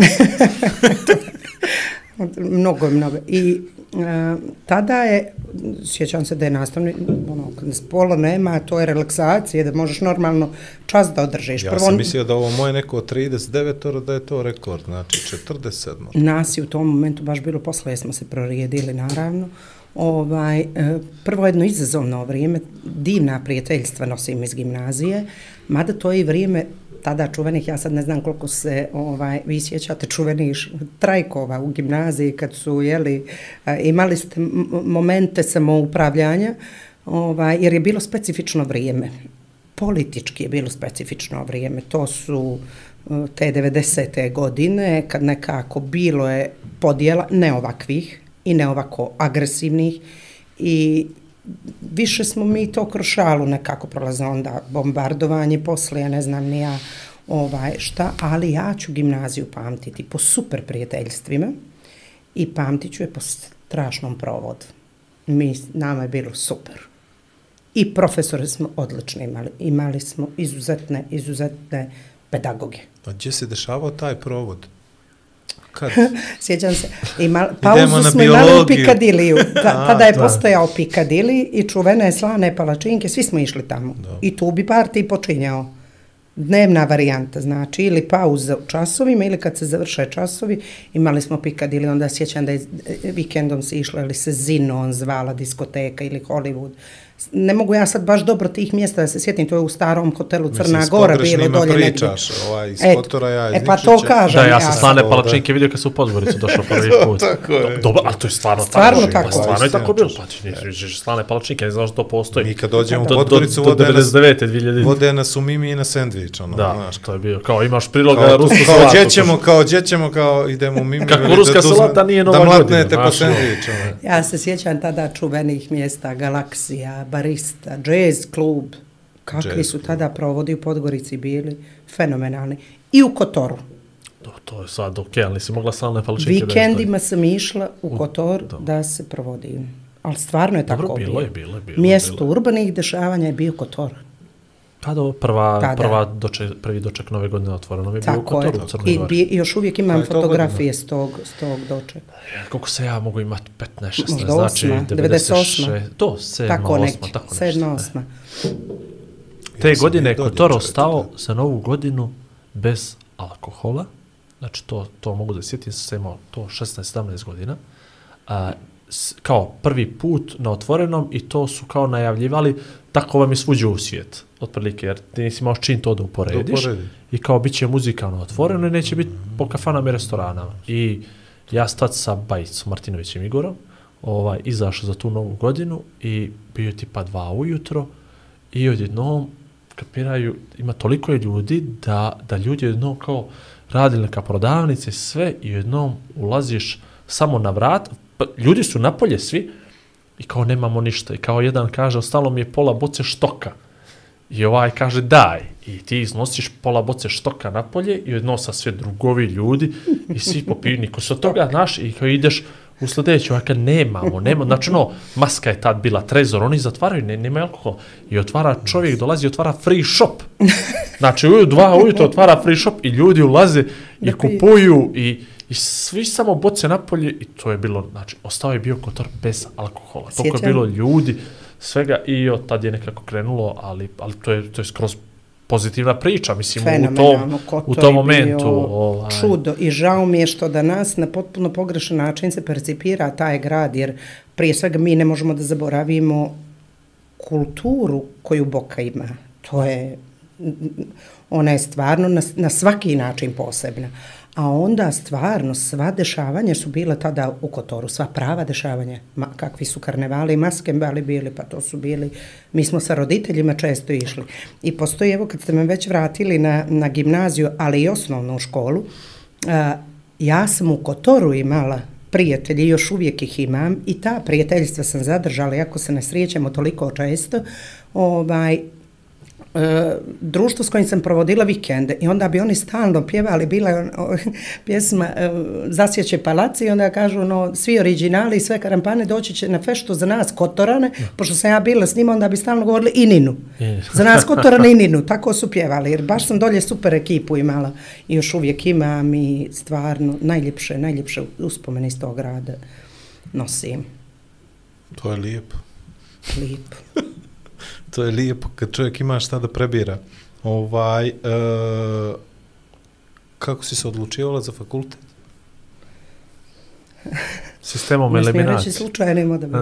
Ne, ovaj, pa mm, jedna emotivna priča je obilježila taj dio mog života. Ja sam upisala pravo jer sam bila jako zaljubljena u tom periodu života. Ovaj, i u mnogim drugim periodima života, ali tada sam jeli to upravo svoju veliku ljubav imala. Ovaj, I onda mi je bilo jako važno da, da ostanem u Podgorici. A pravo mi se nametnulo kao roditelji pravnici, ajde ja ću pravo da upišem. Ovaj, I počela sam da studiram pravo, međutim odem na dva, tri mjeseca u Italiju, u onu ljetnju školu, zapravo na fakultet za italijanski jezik i e, kulturu. To je tada bilo u Peruđi, ajde kao par mjeseci ću tamo da odem, međutim ja posjetim prijateljicu koja je u Bolonji, vidim fakultet, pozor, sve ono što ja želim u stvari. A to je pozorište. Ovaj, naravno, s teorijskog aspekta pozorišta nemam, nemam darove za glumu i ostale ovaj, umjetničke stvari. I ja to prenesem tada svom partneru, jer to se tako kaže popularno, partneru, partneru tadašnje. Naravno, on je bio prilično sta, stariji od mene, iskusniji i u tom trenutku shvatio je da je strašno važno da ja slijedim svoj put, a ne da zaljubljeno jeli blenem u njega.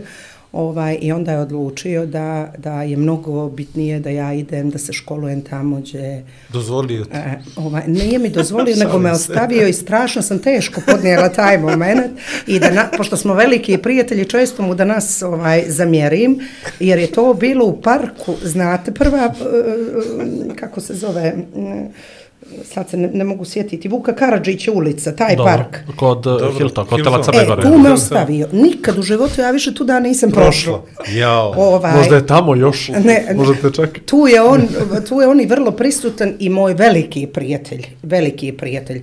Mada i dalje mislim da je glupu stvar uradio, ali hoće to kod muškaraca da donose odluke ponekad u korist žena, misleći to je Ali tako pametnije. Meni interesuje samo šta je rekao. Je rekao, bolje je tebi da ideš ti da studiraš nego da mi... Nije bio, bio je prilično ovaj, sofisticiran u Izvini što načinu. se ovako igramo Ne, s ne, baš mi emocijama. slatko to. Ne, e, e, sad, A ja, sad a su meni to lijepe fore. emocije, jer sam ja stvarno imala e, sreću u životu da sam doživjela velike ljubavi kao žena. I mm, zahvalna sam svim tim jeli, divnim muškarcima s kojima sam bila. Zaista, ja najljepše mišljenje o muškom rodu imam, jer moje iskustva su samo pozitivne. Paradoksalno, kad su bili i krajevi, posle izvjesnog vremena, to su najveći moji prijatelji danas, ovaj, pa tako i on, ali isto mu nisam zaboravila taj park. ovaj, Oprosti, veli, ali ne Oprosti, zaboravi. ali muda više moja noga ne ide. Ovaj, I onda sam ja ja osjećam se tog perioda, tada je vizu dobiti bilo skoro nemoguća misija, bez obzira što ste vi prijemni položili. To nije bila sigurnost da ćete vi da dobijete vizu. Oni redovi, konzulat je u baru bio, pa su bili redovi kilometarske za vizu. Ovaj, e, taj osjećaj, recimo, pamtim, kao građanin drugog reda, sam se osjećala tada, baš u tom. Mislim, revitalizovala sam taj osjećaj kroz vrijeme i shvatila koliko je značajno da slobodno možemo da putujemo. Jer Da. mi smo prošli tu agoniju čekanja, neizvjesnosti, stresova, možemo li mi da maknemo uopšte odatle i stalnog obnavljanja te vize na svakakih 3, 4, 5 mjeseci. Elem, ja sam čekala do zadnjeg momenta, ne bili se mi možda pomirili, ovaj, da se uopšte prijavim za prijemni, pošto se to naravno nije desilo, jel, jer je on bio e, po njegovom mišljenju iskusan i pametan, po mom i dan da nas je glupost napravio, nema veze. Ovaj, e, ja sam onda odlučila, aha, kad je tako, idem. Odrasla sam u porodici koja je to mogla da mi priušti i tako sam se i odmetnula. I onda sam rekla, pravo nije za mene, a stvarno pravo nije za mene. Opet vam kažem, ja nisam, prvo ja, ja nisam mogla shvatiti zašto nešto mora tako da je, onda shvatim da ipak ne mora tako da je. Evo i danas, vidite, pet Tumači sudija misli jedno, pet drugo. Znači, čemu onda pravo ako imamo 16 različitih mišljenja oko iste stvari? Ili je, to su te neke nelogičnosti koje ja sam teško prihvatala. I onda sam otišla prvo u Peruđu, pošto nisam znala ni buongiorno da kažem, ovaj, da učim italijanski jezik. I onda sam živjela malo sa kineskinjom jednom. Ovaj, ona ne zajedno, zna dakle. engleski, niti italijanski, ja znam, to je pakao bio, pakao. Trajao je na e, mjesec dana ovaj, e, na, na svu sreću. Završila sam taj univerzitet za jezik i kulturu u Peruđi i onda sam otišla u Bolonju i upisala istoriju i kritiku pozorišta i televizije na a, Bolonjskom državnom, Koliko si bila Pa ja sam dugo na kraju ostala. Ja sam ostala više od deset godina. Ali ostala sam jer sam ja posle ostala i da radim i tako. Imala sam nove emotivne priče. Uspone. Pa, e, ali stvarno su lijepe nekako bile. Meni je čak u stvari, čak u stvari, meni je u stvari bio problem ovaj, kad sam se vratila u Crnu Goru sa tim toliko lijepim iskustvom, jer me onda prilično demantovao život e, u Crnoj Gori, ali ovaj, ja sam prije svega uvijek htjela da se vratim od Ja sam otišla da bih se vratila, a ne da bih ostala. To je, to, e, to A sam znala To od si prvog radila u. Italiji?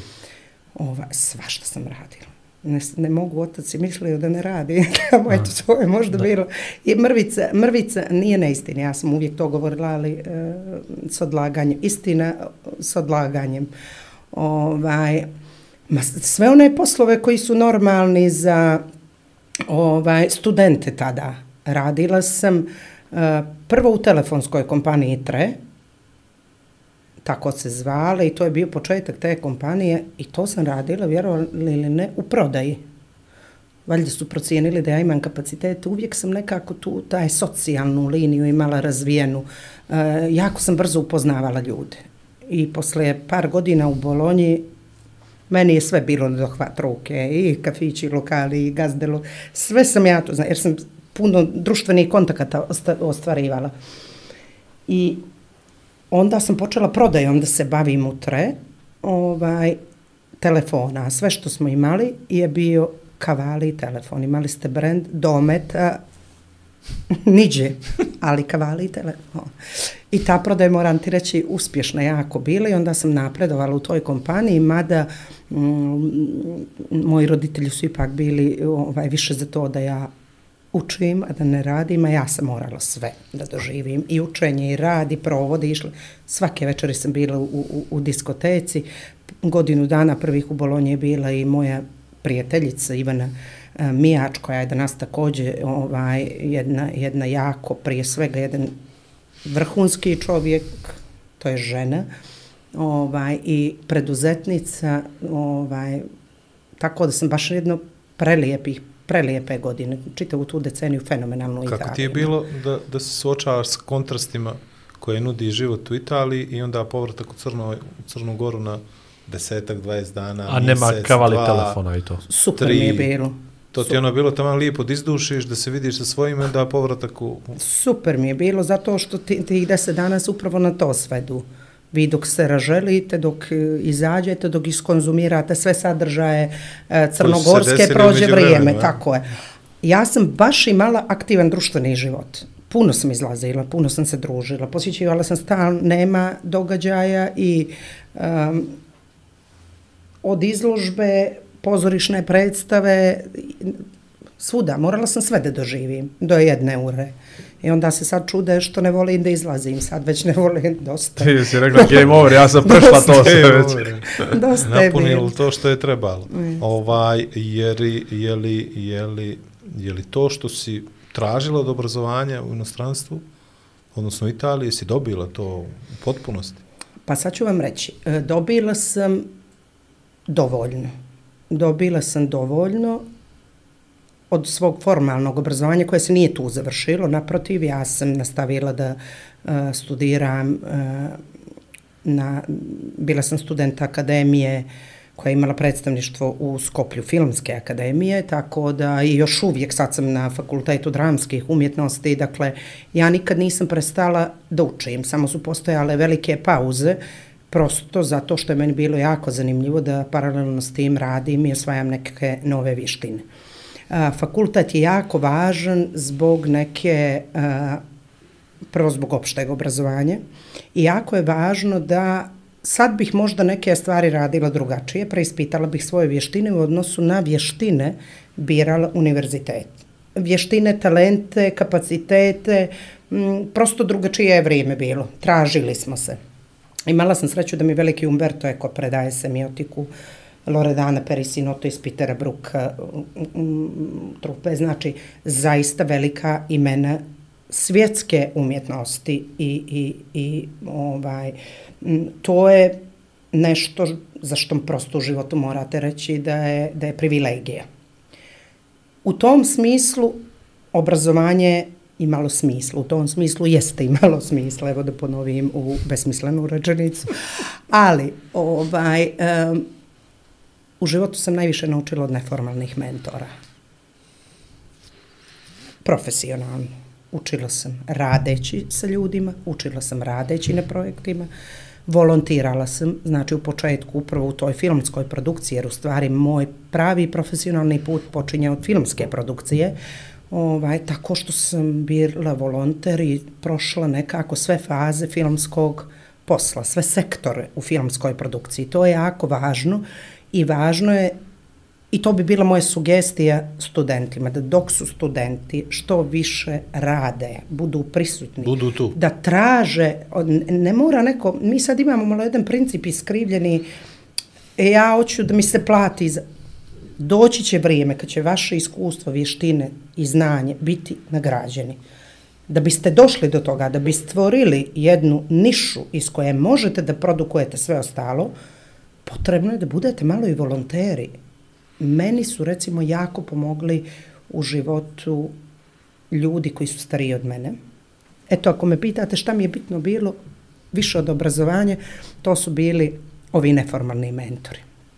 Ljudi koji su, moja strategija poslovna je bila okruži se i stavi oko sebe ljude koji mnogo više znaju o tebe. I dan danas to radim.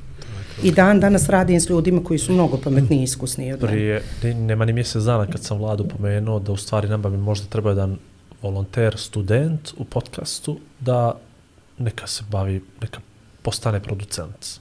Da prepustiš mu tako nešto što je njemu nedokučivo u tom momentu i neka nas ogura, na, Da, pušti tu malo energiju, neka, neka ti neko 20 godina, 21 treba, moraš ovako ili moraš ovako. Znaš, kad te neko tako izbaci iz kolosijeka malo, malo ti prodrma kavez i tvoj koji smo mi sad ušuškani u tom nekom ovaj momentu, a opet na drugu stranu daš nekom neku energiju da sjedi tu sa strane, gleda, sluša, vidi tebe, upozna, znaš, volontira. Kapira ali- kako izgleda Ma i proces. produkcija jedino jeste. tako može da se uči. Pa, Jest, naravno. Jest, iskreno. jest. Ovo sve ostalo drugačije, mislim da nema neko prećeranog smisla, jer da platiš nekoga ko bi trebao da odgovori u ovakvom izazovu šanse nema, mislim, ni, ni ovo osnovno, a ne, a ne u produkcijskom, neko, odnosno u producentskom, izvini, ovaj, uh, kontekstu, A tako da ne znamo što se stvarno krenuo mi neki studentima. A, evo, Tu je škola jako bitna iz jednog razloga, naročito evo recimo kod produkcije koju ste pomenuli. Mi imamo sjajan fakultet dramskih umjetnosti i šteta je što a, naša, naše politike aktuelne ne prepoznaju važnost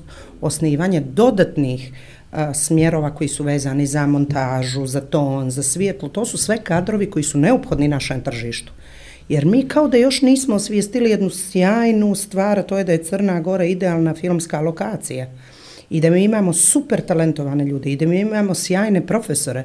Za produkciju je to jako bitno. Zašto? Da biste našli e, finansiranje za jedan projekat što, što jeste uh, prije svega Srž aktivnost producenta u jednom a, procesu, jako je bitno da razumijete mm, estetiku, jako je bitno da teorijska znanja imate da bi prije svega čitali projekat na adekvatan način, da bi otkrili potencijale koje taj projekat može da ima i načine na koji možete da ga finansirate. Znači, nije dovoljno samo biti producent, važno je biti kreativni producent i shvatiti kulturu kao jednu tržišnu kategoriju, jer ona to jeste producent volonter koji, će, koji dođe kod vas će vremenom postati producent profesionalac koji će da zarađuje. Tako je. E, to je jako bitno da se oslobodimo te ovaj, logike, ah, ja neću da radim, ja sam... Svi smo mi, čak i Razbijanje od posle posla 20 zbog godina. 20 eura. To je To je ovaj to. najčešći primjer koji ja mogu da vučem iz nekog prethodnog iskustva, da se klinci sad razbijaju oko 20 eura, a ne razmišljaju o tome koliko će iskustva da dobiju zahvaljujući samo eto nekom boravku na određenom mjestu dva dana, jedan, tri, nebitno je. Koga mogu sad da upoznaju i kakve mogućnosti mogu da uzmu iz te prilike koja im se ukazala, koja im se možda neće nikad ponoviti, nemam pojma. Nisu u stanju da prepoznaju šansu i da je onako zagrle, prigrabe, nego je tu 20 eura je problem. Ono što je meni interesantno, ti si šta radila po povratku iz Italije? Pa ja sam već u Italiji počela da se bavim tom filmskom ovaj, produkcijom i onda kad sam se vratila, moj otac je imao tada firmu već, on je od 92. imao ovaj, E, firmu koja se bavi antikom kolekcionarstvom i to su bili veliki depoji antike, kako sam jeli upravo volontirajući na projektima u Italiji, m, upoznala dosta producenata, ovaj, ali i srela u, u, tada ovaj, crnogorskog e, jeli, kreativca, uh, Čenta, jeli, koji je imao svojih puno ideja, koji mi jeste pomogao puno u karijeri da osvijestim taj svoj produkcijski uh, potencijal, onda sam uh, počela da se bavim pozorišnom nezavisnom produkcijom ovaj, i filmskom servisnom produkcijom na način što sam u stvari depoje koje je imao moj otac koristila a, za iznajmljivanje scenografija produkcijama koje su snimale u Crnoj Gori inostranim. I vremenom sam počela da dovodim te produkcije u Crnu Goru da snimaju. A, nakon toga sam radila u sektoru energetske efikasnosti kao konsultant, potpuno prirodno, iz produkcijskog posla. A, nastavila sam s poslom event managementa i komunikacija. Jedno, sve su te nekako, sve su to nekakve pritoke, puno djelatnosti, a u stvari sve imaju svoje vezivno Ajde tkivo. da ti ne dozvolim da pretrčiš. Ok. Dovela si nekoga u Crnu Goru. Neko je došao tu zbog tebe zato što si ti Crnu Goru preporučila iz ovog iz onog razloga. Kako ide taj proces? Je li ti bilo teško da ubijediš bilo koga? I kad su oni došli, jesu li dobili ono što, su, što si im obećao? Pa ovako, na nivou mm, mm, lokacijske atraktivnosti nije bilo teško. Svi koji vide Crnu Goru oduševe se, ali kad dođemo do infrastrukturnih stvari, ok, kako ja stižem tamo i mogu li ja da spavam, može nas a, 500 da spava u hotelu tamo i da ima vrhunski, tu dolazimo do izazova. Ali a, uspjevali smo da nalazimo alternative za to na način što smo im a, objašnjavali koliko u stvari oni mogu da uštede ako dođu kod nas da snimaju. Upravo zbog lokacijskih uh, distanci. Jako brzo ste, Smjesta to je prednost. Crne Gore, s mora na uh, Planinu. planinu i, i, i- i obratno. Ovaj, uh, tako da A onda znate kako, kad radite, kad imate sreću da radite s ljudima koji su negdje od imena, što bi se reklo, u svom poslu, ipak drugačije zvuče i preporuke. Ko je došao? Pa ja sam stvarno radila s različitim, od Fajnsa do, evo, Mads Mikkelsona, s njim sam poslednji, recimo, film radila u Crnoj Gori upravo. E, tada sam i prestala da se bavim e, filmskom produkcijom, ovaj, jer sam shvatila da prosto to više nije posao kojim ja želim da se bavim, da želim komunikacijama u potpunosti da se posvetim. Bilo je tu različitih, eto, imala sam prilike i Kevina Spacey, um, jako puno uh, hollywoodskih glumaca, Asger Let, reditelj, to su, to su stvarno velika imena ovaj, filmske industrije, ali nije ni to bitno, to su sve ljudi, to su sve umjetnici. No, to je- uvijek kad dolazimo, kad pričamo o nekim ljudima koji su tako sa velike scene i sve se svodi na kraju na jedno, to su sve jednostavni ljudi koji su me oduševili sa svojom tom nekom. Kako ko, pa neki me i nisu e, oduševili. e, to, Kako ko? to. Jer imam osjećaj, sad smo počeli da generalizujemo te stvari kao i sad da ih stavljamo u isti koš, a ja mislim da to apsolutno ne. ne, stoji. Kao i u svakom poslu, kao i u svakoj kući, dobri, loši, e, zli, Zli. postoje. Imala sam i neprijatnih iskustava na, na snimanjima. Imala sam i nevjerovatnu situaciju, to ne, recimo nikad neću zaboraviti. Radili smo a, sa Marajom Kerry, um, Je li Kako tačno zove? za Maraju Carey lijevi profil, desni profil, da ima velike razlike? Kad snima?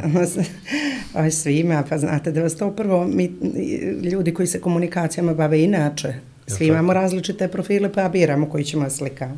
Ja sam ovdje jeli, bila prinuđena to bude lijevi, jer imala sam i sreću da mi je okej. Mariah jeli. Carey, pošto zaboravila Nego- se boju mog glasa, ne mogu od A, vas dođe do a izražaja. stvarno, ti si meni u početku rekao da treba da se upoznam, jeli, s čovjekom. Evo, ne, nego on vodi, ja poštujem ti njegova sluša, pitanja. ali pazi, aktivno ja? slušanje je nešto što Fali. čemu treba da se ovaj teži. Da se posvetiš.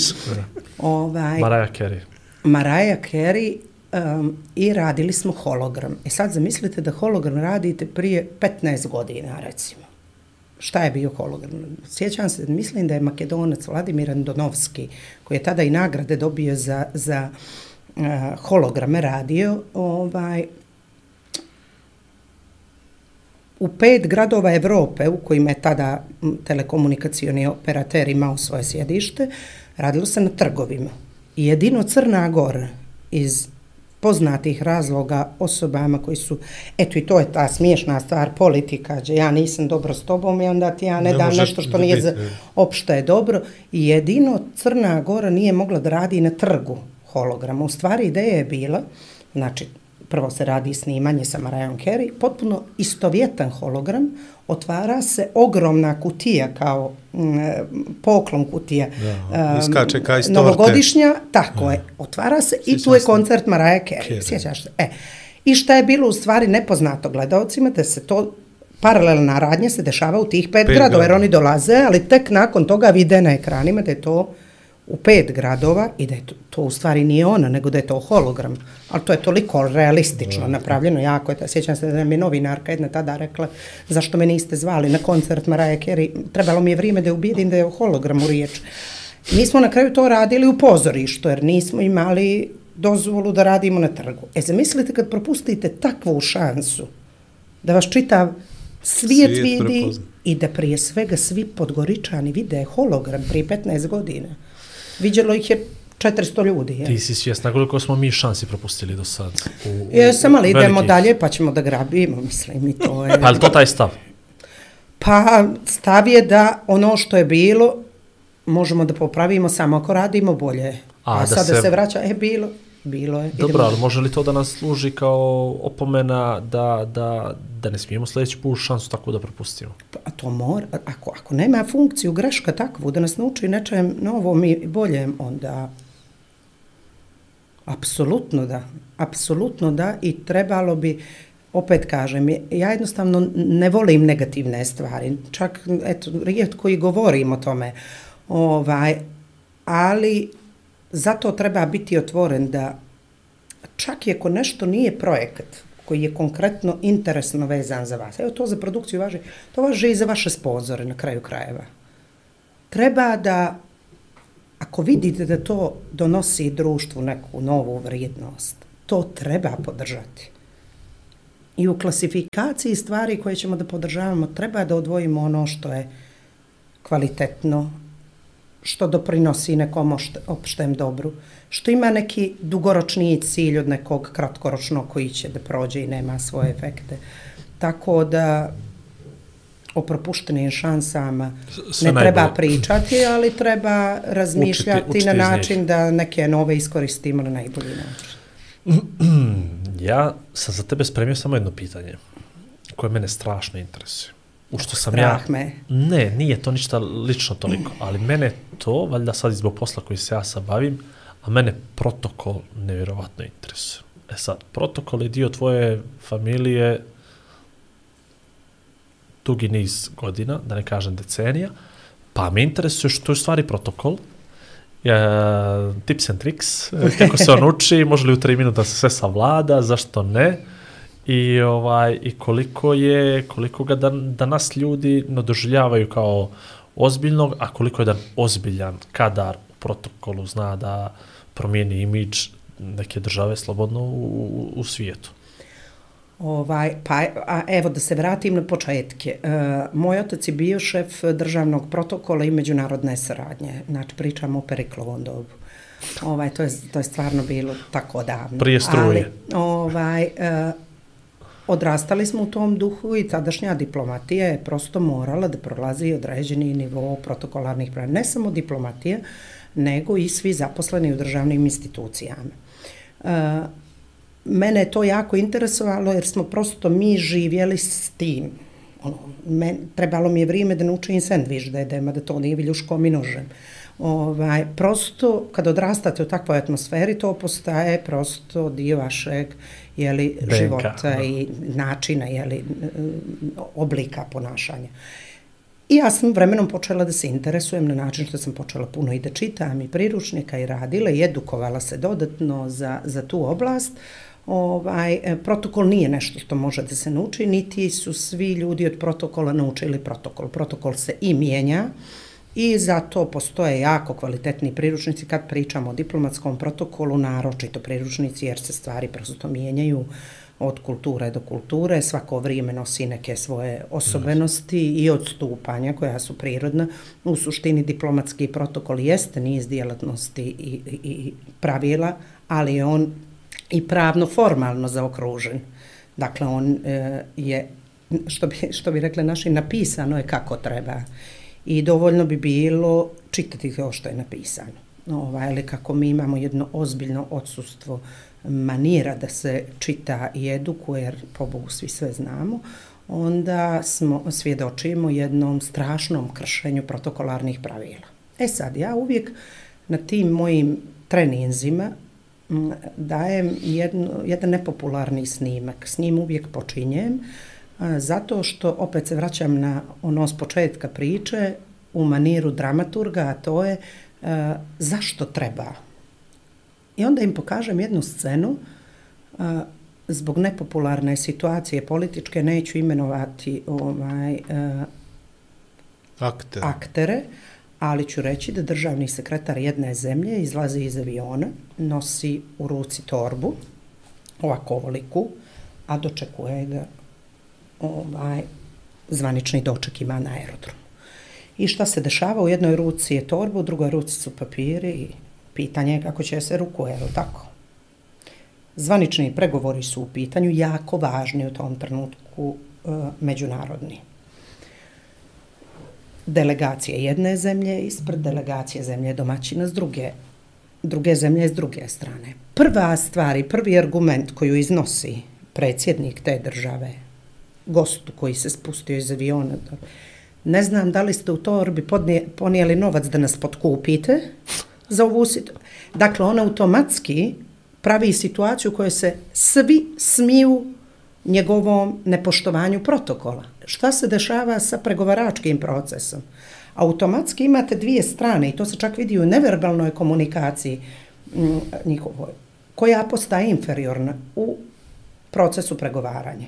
I zato kaže, evo zašto treba. Prvo, izloženi ste pod smijehu, a drugo, vaša pozicija pregovaračka se mijenja. Ako ništa, to je samo jedna od funkcija protokola. A, najveći najveća barijera uspješnih ljudi je često, uspješnih kad kažem ne uspješnih nego poslovnih, to sam eto htjela da kažem, ovaj, je sumnja u samog sebe. Ona potiče od nedostatka mm, m, komunikacionih kapaciteta i nedostatka znanja protokolarnih. To protokol zvuči tako strašno. U stvari to je jedno lijepo ponašanje. Onog trenutka kad vi usvojite takve vještine, a moguće ih je naučiti, sigurni ste prosto u sebe. Samim tim mnogo lakše ostvarujete društvene kontakte. I zbog toga je protokol važan. Konkretno mi kad recimo radimo te treninge, to je jedan od njih traje 45 minuta, on je uglavnom najzanimljiviji po mojim procenama, to je upravo taj um, način objedovanja, znači kako jedemo u stvari, nešto na što mi ne obraćamo pažnju, onda shvatimo da to kako jedemo, to sam već pomenula, u stvari čini da se ne isprljamo, čini da šaljemo tajne znake konobaru, Znači, mi u, u odnosu na to gdje stavimo salvetu, to je znak za konobara ili viljuško i nož. Ne zato što tako mora, nego tako komuniciramo. Znači, mi svojim ponašanjem komuniciramo s drugim ljudima. Ja često sa bratovom djecom pričam kad im kažem zašto je lijepo kad prvo kad nekog upoznate mu se nasmijete i zašto je lijepo kad pogriješite kažete izvini ili hvala. Ne zato što te tako majka naučila da treba. To nije odgovor. Odgovor je zato što tako kod tog drugog postičeš lijepu emociju i na taj način poboljšavaš našu Komunikaciju. to je vašu relaciju. Eto, I, pregovarač, I pregovaračku poziciju. A po, u, po, u protokolu je posao naročito važan. Vi imate mnoge biznismene koji ne žele da idu na protokolne večere, recimo kod ambasadora, jer Strah ne znaju je. kako da se ponašaju. Strah Boga mi, ja se pošao, pojavio se, a pozvan, došao, promašio sa cijelu neđelju, došao sa neđelju ranije, pošto mi poslali ljudi dvije nedelje prije poziv, što je vjerojatno po protokolu, jel? Naravno. Ja sam došao tu u srijedu, samo sedam dana ranije. Ovaj, mene je to bilo normalno da me neko zove za četiri dana, ne za, za 11. Ja samo I razmišljam. Deša, dobro i propusti se dešavaju. Ne, okay, ali, ali, ali, ali, kako je ovo rekla, gdje ćeš sa salvetom, ono, dok je, ja samo mi je prošlo kroz glavu, gdje ja stavljam salvetom. Ne, ali, no, to je to, nisam jeo, ono, kad se puno, ja sam uzela, što su drugi radili, to je, tako je, tako je, tako je. I moja najveća sugestija za takve situacije, ako ne znate, pustite onda druge da prvo urade. Da, pa to sam ja majstor. Uvijek, znači, uvijek, ja vas uvijek, da puštim prvo uvijek. od radi. prvog saučešća pa sve do sada danas, da. ja vas da puštim prvo ispred sebe, on, kaže ti si najstariji, sam, sam ti, ti majmun radi, mene, što majmun vidi, kaže. si, monkey e, do. Monkey do, to Ali je to. to je prava, eto, to je super i, i, i za posao i za sve. Pustite iskusnije, pustite i da vam pokažu, se slušajte ih. Znači, to je od savjeta što ti imaš za mene protokol. Pa ne možemo vidi... to da, po, ne, idemo, ne, ne, vodiš nisam, nas, nisam, e, ne, majer, ne, majer vodiš nas na večeru on, lijepo, pa onda mi tu I lijepo se ja objasnimo. crveni, Ne, ne, ne, nego sve zajedno kroz za, za, Ne, ne, Majer je htio ovaj voucher od 30 eura za psihoterapiju odmah da iskoristi kod tebe za poznavanje protokola. Me ti početi na to da treba da... A ja, ja zaboravljam te ružne stvari. Ne, ali ne, ne, ne. ali vidim ti, ne. Ja u ime kuće... Nisam ja mislio ti, nisam ja mislio ti nama radiš trening, ođe, tamo posla mene protokol kao, kao, mene to fascinira. Mene u stvari te stvari fascinira, to postoji negdje i zapisano i naučeno. I da uvijek ima neko i da uvijek postoji neki valjda, znaš kako se, kako se zovu oni sensei, ono, učitelji veliki o, Dobro, iz sporta i to, e, to je to. Znaš, da uvijek ima neko mudri, nepametnino mudri, znaš, od, od, od najmudrih uvijek ima neki mudrac koji stoji, nadgleda sve to i, i, i, ovaj, i, i donosi na kraju krajeva neke, neke nove odluke, ali da, Tako da mi je to fascinantno. Pogotovo u posljednjih, ajde da kažem slovo, par godina ovih naših političkih, e, čega, kako bih to nazvao, ne bi nazvao previranja, nego promjena, ovaj, da se tu i tu šefovi ti mijenjali, da se protokoli mijenjali. Odnosno, da, da su dolazili na funkcije ljudi koji ne poznaju protokol, pa vrlo često vidimo i predsjednike opština, da ne kažem i veće i niže, i da ne govorim direktore javnih preduzeća koji jem što nam da se obuku,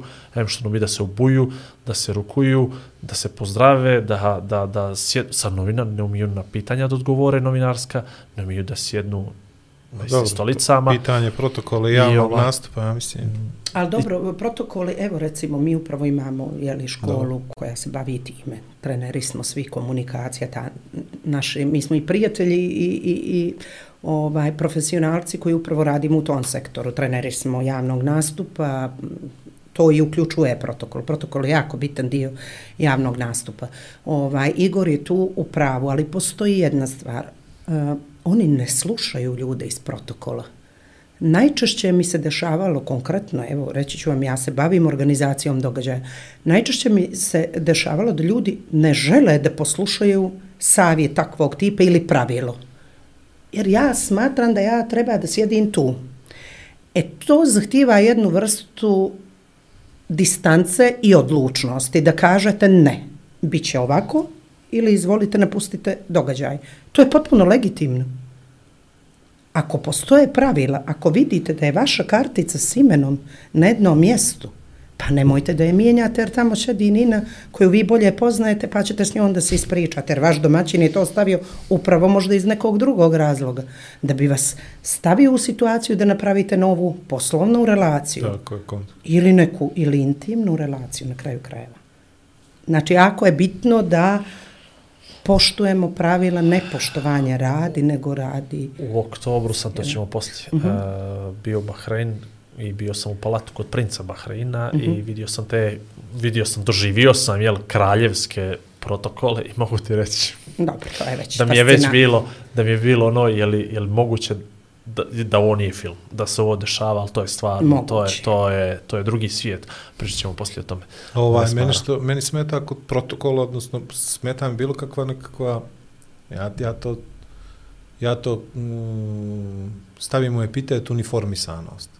Da mora da bude određeni dres kod, da ne, mož, ne mogu crvene čarape, da ne može ovo, da moraš da ćediš ovako, da ne, nikako mi ta vrsta, A jeste razmišljali zašto ne mogu crvene čarape? Pa ne, ja nisam, zato što... Ali evo e, ja sad tebe pitam, pošto to. si ti novinarsko lice, super si mi hint dao, pa evo da te pitam. Dobro, ne, Ja sad da stavim crvenu ružu ovoliku tu, sumnjam da bi me oči gledao. Možda i ti bi, ali gledalac. Mm -hmm. Odvlačilo bi mu pažnju. Nije to zato što tako treba, nego zato što je neki psiholog neđe zapisao zbog čega ljudsko oko opaža to, to, to i to. Kako ljudsko oko reaguje na određenu boju. Znači, ozbiljna nauka iza toga. Protokol dolazi kao kraj milion naučnih istraživanja koja Jasne. su vezana upravo za javni nastup. Meni ako zatvorite potpuno lice, evo, ja sam sad mogla slobodno kosu ovako da stavim, kako će gledalci da vjeruju ili ne vjeruju u meni. Znači, nisu to, kako bih rekla, nisu to uh, pravila radi pravila, nego su pravila radi nekog efekta. Jasno. Ja samo kao govorim o svom ličnom osjećaju, jer ja uvijek imam s tim neku vrstu nelagode. Nemoj, da, nemoj taj sako, nemoj ovu košulju, nemoj ovo, nemoj ono. Pa onda dođe neki stilista pa me obuče u nešto što nema nikakve veze s mojim, sa mnom. I ja su tome osjećam, ne osjećam Komod. komfortno i komotno. I onda ja sa tim imam problema. Nemam problem s tim da nešto treba da postoji i treba da se prati, pogotovo ako si na nekom ovaj nivou društvene ljestvice gdje moraš to da pratiš, ako si presjednik, ako si premijer, vjerovatno bi da, da dođem u tu situaciju prihvatio tu ulogu. Jer ja mislim da to i uloga. Ne možeš ti da se ponašaš kao Vlado Perović isto kad si, ne znam, novinar javnog servisa ili kad si u podcastu Igor i Vlado Tako ili je. kao neko ko predstavlja sve građane ove države. Ajde da to nekako iskarikiram. Ali ovaj, i zbog toga sam uvijek imao taj neki, tu neku vrstu otklona, ali ne da pretpostavljam, nego sam ubijeđen da postoje pravila i da nešto mora. E, jesu li ljudi s kojima si radila bili onako zainteresovani da prođu kroz taj tretman upravo kao što sam ti ja sad rekao, da dožive tu transformaciju, da izađu iz svog neke svoje kože, da bi predstavljali Crnu Goru, event, događaj, firmu, bilo šta, na dobar, pravilan način. O, to mi je nekako interesantno kad već pričamo o protokolu. Pa, ovaj, prvo, prvo evo, kratko da kažem, da, da potpuno razumijem tvoje, tvoj Tvoje frustraciju. otpor i, i da na neki način stvarno i treba malo odvojiti određene vrste djelatnosti koje ne zahtijevaju takvu vrstu A, ovaj, nije to samo dress code, nije protokol, je najmanje Ne, ne, ne, dress code, ali je lijep primjer kroz bio. to sam provukao, Tako je, je. lijep je primjer bio upravo da kažemo da neke djelatnosti i ne zahtijevaju a, takvu vrstu ovaj poštovanja svih pravila, dok druge da. Ovaj, a, što se tiče ponovi mi, ja imam Ljudi oko- s kojima si radila. Da, ljudi s kojima sam radila, Da li pa su oni moram ti bili spremni nešto. da naprave tu transformaciju, da, jer jednostavno nešto se mora? Biznis sektor jeste. E, zaposleni u državnim institucijama su jako malo bili zainteresovani uopšte za takvu vrstu obuke. Ovaj, skoro na nivou incidenta, nekoliko institucija je baš tu vrstu obuke tražilo. Možda neki za javni nastup jesu, ali za protokol uh, ne i to se vidi. Kako bih rekla, mi vidimo konstantno u javnom prostoru političku javnost koja ne da ne poštuje protokol, ona osnovna pravila komuniciranja ne poštuje da se ne komunicira agresivno, da se ne komunicira nepristojno, da se određene riječi ne koriste u javnom komunikacijskom prostoru. Zašto? Vi ste model za onoga ko vas gleda. Jako je loše kad postajete loš model, a mi, na, nažalost, svjedočimo tome. Retorika u javnom prostoru je užasno, užasno, užasno loša, iskrivljena, nepristojna, neprijatna, agresivna. Ja vam moram reći, znate koji je moj lični utisak? Ja, ja jedva čekam da ugasim ponekad televizor, jer jednostavno tu količinu frustracije koja, kao da me neko kritikuje konstantno, ono, došao si i kritikuješ me, polako. Voljela bih strašno, samo malo, ali ja mislim da je to opet ono pitanje emocija. Vratimo neke lijepe emocije.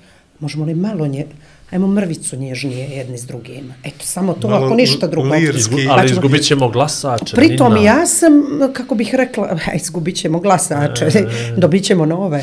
ovaj, je to. I onako mijenjamo, Da. rekao si. Ovaj, ali, ali nekako mm, malo mi fali i te vrste saosjećanja s te političke scene upravo prema tim svojim ili nekim drugim glasačima. Empatiju da vratimo u javni prostor. Tako je, sve je u redu. Evo, mi ćemo da budemo dobri i fini i sve.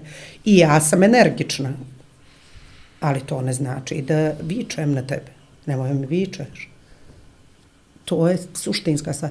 I neće da slušaju često. Veliki problem na događajima imam s ljudima koji neće da poštuju to mjesto je predviđeno za vas. Ne, ja sam došao sa Markom i Jankom, pozivnice važi za jednu osobu, petoro ih dođe. To je elementarna, ne pre, to, to više nije ni pitanje protokola, to ne pre, zamislite vi, e, pozovete me e, na ručak, kući imate šest stolica, ja vam dovedem čitavu familiju. Mislim, ja vas dovodim u neugodnu situaciju i to onda više nije samo pitanje protokola. Ručamo na rat. Iz tri puta. Pri tom, znate kako, možda i nemate dovoljno da skuvate Jasno. za sve nas. A ovaj, kako, kako se rešavaju te stvari? A, je, je moguće da se sankcioniše ta vrsta, ajde ja ću kažem, nepristojnosti, apsolutno i prema domaćinu, jel? Ako je nešto plus jedan, onda je plus jedan, jel? To traži odlučnost. Ja sam prisustvovala ka, situacijama kada su šefovi protokola ozbiljnih država vrlo oštro reagovali u takvim situacijama. I njih, recimo predsjednici određenih država na nekim tako razmjeni nekih iskustava sa određenim šefovima, šefovima protokola, ovaj, nekih drugih zemalja, izuzetna odlučnost i njih su slušali. Jednostavno, to što kaže šef protokola, to mora. Nema tu rasprave, ja ću da se obučem ovako ili onako. Dress kod je taj, taj, taj, dostavim vam fotografiju, treba to, to, to i to, ili vam napišem, obući ćete odijelo crne boje, ili odijelo tamno teget, odijelo bez pruga, nema svilenih materijala, čarapa je duga, cipele su crne, napišete, jer nije strašno da neko ne zna. Ma nije strašno, niti političar ne zna, ali je strašno da neko neće da nauči. I strašno je da neko svoj autoritet stavlja ispred autoriteta nekoga ko o tome nečemu zna više od Znaš, vas. To to. I to je konstantni problem u svim sektorima. Ja sam tu vrlo stroga. Baš stroga. Ali pravično. Pa ne znam jesam li pravična, ali sam stroga. ali draga, mutna, ali draga, stroga, ali Eto, pravična. Profesionalno. Ovaj, je li, je li, jesmo li mi doživjeli neku transformaciju na gore u tom smislu, odnosno, ajde, tako smijem to da kažem, na lošije. Nekako, na primjer, kad se vraćamo onim prvim koracima, eh, na prve korake parlamentarizma, na primjer, pa kad smo, tu su bili ljudi koji nisu znali da pogode padež, toga se sjećam dobro. Ali su oni imali nekakav osjećaj poštovanja i respekta prema... Stida. Stida. Izgubio se stid. Tako je. Ali imali su neki osjećaj poštovanja prema onom s kim raspravljaju. Znači, mogli smo mi da, da, da vidimo tu i neke jake, teške riječi, što je sasvim meni normalno za neki politički diskurs i narativ, da ti hoćeš nekako da privučeš taj glas od, od nekoga tamo što te gleda, ali da ih ipak biraš i da mm, znaš gdje je granica. Da ne upireš prstom, da ne vičeš, odnosno ja to kažem boldovana velika slova na društvenim mrežama, ja kad vidim nekoga piše na društvenim mrežama velikim slovima, ta odmah znam da nešto s njim nije u redu. Jer nešto vrišti iz njega, šta god da je, neki problem postoji. Jer sad, sad je potpuno, ono, nekako se sve to prija, pretvorilo u neki reality, da u stvari ti ljudi koji bi trebali da nas vode, donose odluke umjesto nas, jer smo ih mi manje ili više glasali, i ovaj, da su oni potpuno izgubili taj osjećaj i stide i srama i da, da oni tu nijesu zbog nas, nego zbog sebe i perčinjaju se iz nekih njihovih ličnih interesa i da su potpuno izgubili percepciju da mi možda bi trebali se ugledamo na njih, a nemamo na koga, jel? Ovaj, mm, ja sam ne znam tačno, loša sam jako s godinama, to sam vam i rekla, ali da li negdje 89. ili kad li već u Jugoslaviji kad se prestalo to samoupravljanje. Ovaj, ja razumijem da politička javnost mora da donosi odluke, da iz tih odluka treba da stane autoritetom, snažno, oštro itd. Ok. I kad su i loše i dobre odluke, ponavljam, to je legitimno.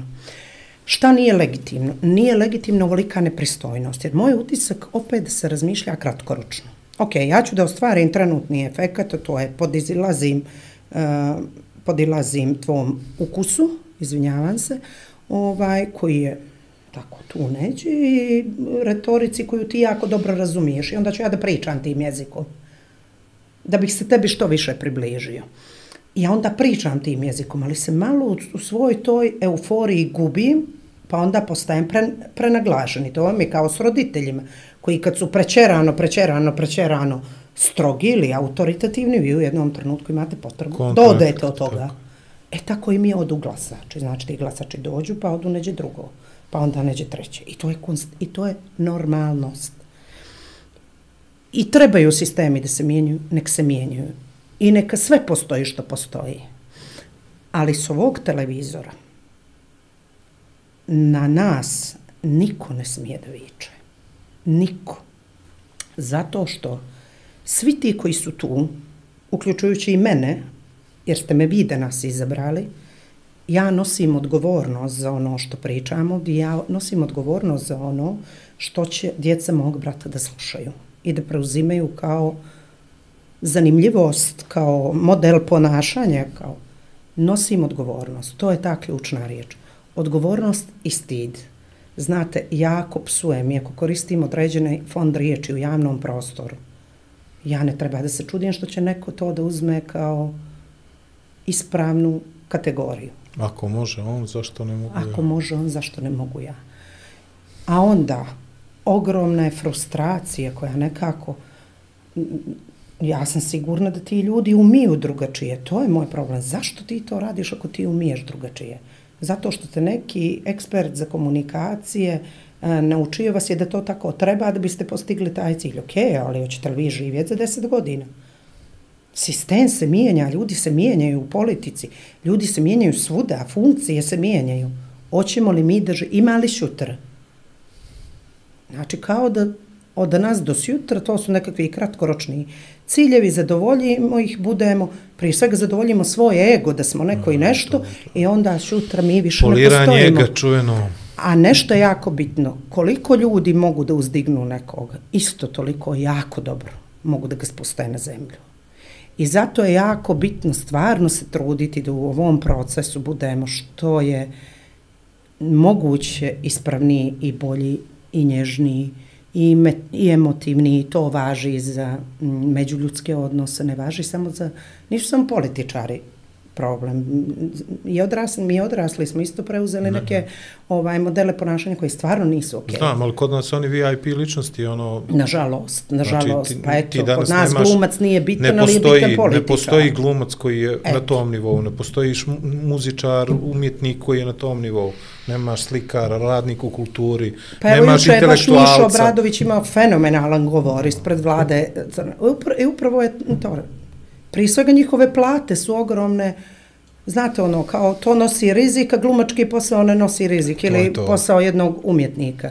Nije to baš tako. Ja bih stvarno više voljela da su nam primjeri e, na koje ćemo, da su nam primjeri i uzori ipak e, ljudi iz nekih e, drugih sfera, a da političarima damo tačno onoliko koliko im pripada, ovaj, a to onoliko koliko mi odlučimo da im pripada. Tako je, mi to smo, nije apsolutno. izgubili, smo, izgubili smo model, izvini Igor, samo da ovo kažem, izgubili smo model po kojim ih kažnjavamo.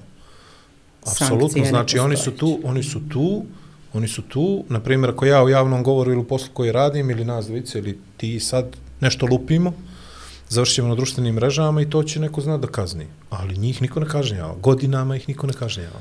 Ja bi njima samo veo da rade na procenat. Političar firma procenat, izvoli, donesi dobit Tako je. drago i toliko, tvoj To je to. procenat. Tako je. I to je to. I ajmo svi da radimo kao što se kao što privreda radi i to bi se za Ma da radilo iščistilo. se na procenat ovdje. do- Dobro, da. Sad to sam i birao da li da kaže, da li da kaže. Evo ja ću. E, ali ja sam dobro rekao, ja sam rekao na procenat, ne za procenat, nego na procenat. A oni su ga radili, oni su ga uzeli Mislio za... si na, na, na ovu nulu da, da, da, Da. daješ Ali od jednu toga procenta. stvar ali? ste, ovaj, rek- sad si pričao o, o sankcijama i onda se sjetih jednog primjera sa početka moje karijere. Ja strašno volim sektor životne sredine i ekologije. Radila sam na izradi e, nacionalnog i lokalne e, planova upravljanja otpadom mm, u dijelu koji se tiče komunikacija. I sjećam se tada Austrijanca koji je izuzetna, je mm, stručnjak bio, ovaj, ekspert koji je radio na tom projektu. I on meni kaže, ne, jer ja predvidim u, u ovaj komunikacionoj strategiji sistem sankcionisanja za nepravilno odlaganje otpada. Ne, sankcije i sad on meni ne vodi primjere zemalja u kojima je on sprodio te planove, ja ga gledam, kažem, svako društvo tra, ima svoje mentalitetske osobenosti.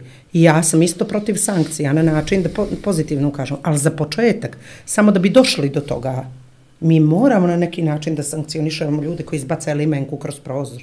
Jer u protivnom nema, nikako nije mogao da shvati zašto predlaže neko ko se bavi komunikacijama sistem sankcije.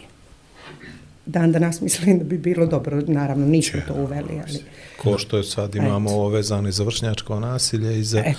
milion nekakvih anomalija kod nas. Ovaj, Dva rad sata. na filmu. Ma pušti mi dva sata. Ne znam, samo šavima ali vremena. Vi ste vi u nam, ne, ne, A, mi smo u komunikacijama, mi smo u komunikacijama, ne brini, e. Ovaj, dobro. Ajde onda nastavi ti, ja ne Ne, smijem ne, pitat ne, ništa dobro, nego idem. kažem. Ne. ne, Ruta nam je, Ruta, šalim se ja, Ne. ovaj, nego, nego, nego, kad smo dogovarali, jeli, ovaj, snimanje ove emisije, i ja sam navela svoju ograničenost vremensku zbog festivala koji je u toku i gdje imam obaveze daleko od toga, mogli bi mi imali bi o čemu da pričamo. Ajde, ovaj, ajde onda mi reci Satima. samo ovo, kad radiš na crnogorskom filmu, koliko teško da ubijediš ljude da u taj film se treba da se nekako uloži na bilo koji način. Radila sam, baš Radila, odavno e, ne pa radim, to, da. ovaj, e, teško, baš teško.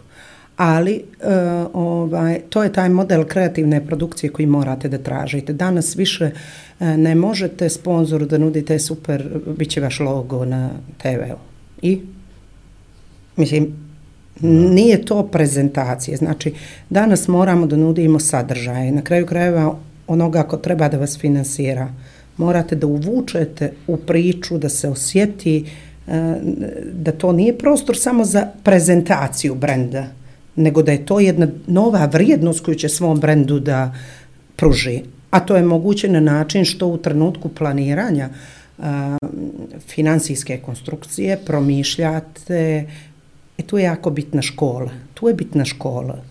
kod produkcije, da vi čitate taj scenario na način da prepoznajete zašto bi neko htio da učestvuje u tome. A to nije samo ekonomija, to zahtijeva mnogo više. Jasno. Dobro. Ja bih rekao da se lijepo Kotor nakalemio sa plavom na ovu Podgoricu i da je ovo što je dobijeno jedan unikat uh, fenomenalan sam po sebi da to što ti plodovi svi tvoji rada su nevjerovatni tokom svih ovih godina, a znamo se Dugo. odavno i da u stvari sve što si radila ima neki jedinstveni pečat koji je upravo proizvod te kombinacije, a ja sam i prošli put to rekao i par puta do sad, tog miješanja gena koje su prvo u Kotor su donosili stari pomorci koji su nekad dolazili, pa sva ta prezimena neobična koja su dolje, koje upravo e, luke, more i to, i da je zbog toga Kotor sam po sebi specifičan, je puno je miješ, miješanih i mješovitih porodica, a onda ja i dalje tvrdim tu teoriju da u stvari to miješanje kako god bilo, jer ovdje je glupo priča o miješanju, nešto je 50 km ovaj, daleko, ali jeste da pravi e, pravi jedne lijepe priče, kvalitetne priče i da ljudi iz tako nekih e, interesantnih porodica mogu da prave e, jedinstvene, nevjerojatne stvari koje ovu zemlju vuku napred, guraju napred, daju neku svoju ovaj lijep ton i, i, i, i ovaj posebnost. Pa baš ti hvala na ovim lijepim riječima. Ovaj, mene postidi uvijek malo, malo kad neko priča lijepo ovaj, tako o meni, ali mislim da žene treba da navikavamo da mu- muškarci u bilo kom profesionalnom smislu, bilo kom pričaju lijepo o njima, jer to je kad je nešto lijepo, lijepo je i treba to ovaj nagraditi lijepim riječima kao što ja vas nagrađujem sad jer smatram da ste stvarno jednu super priču napravili i to moram da ponovim.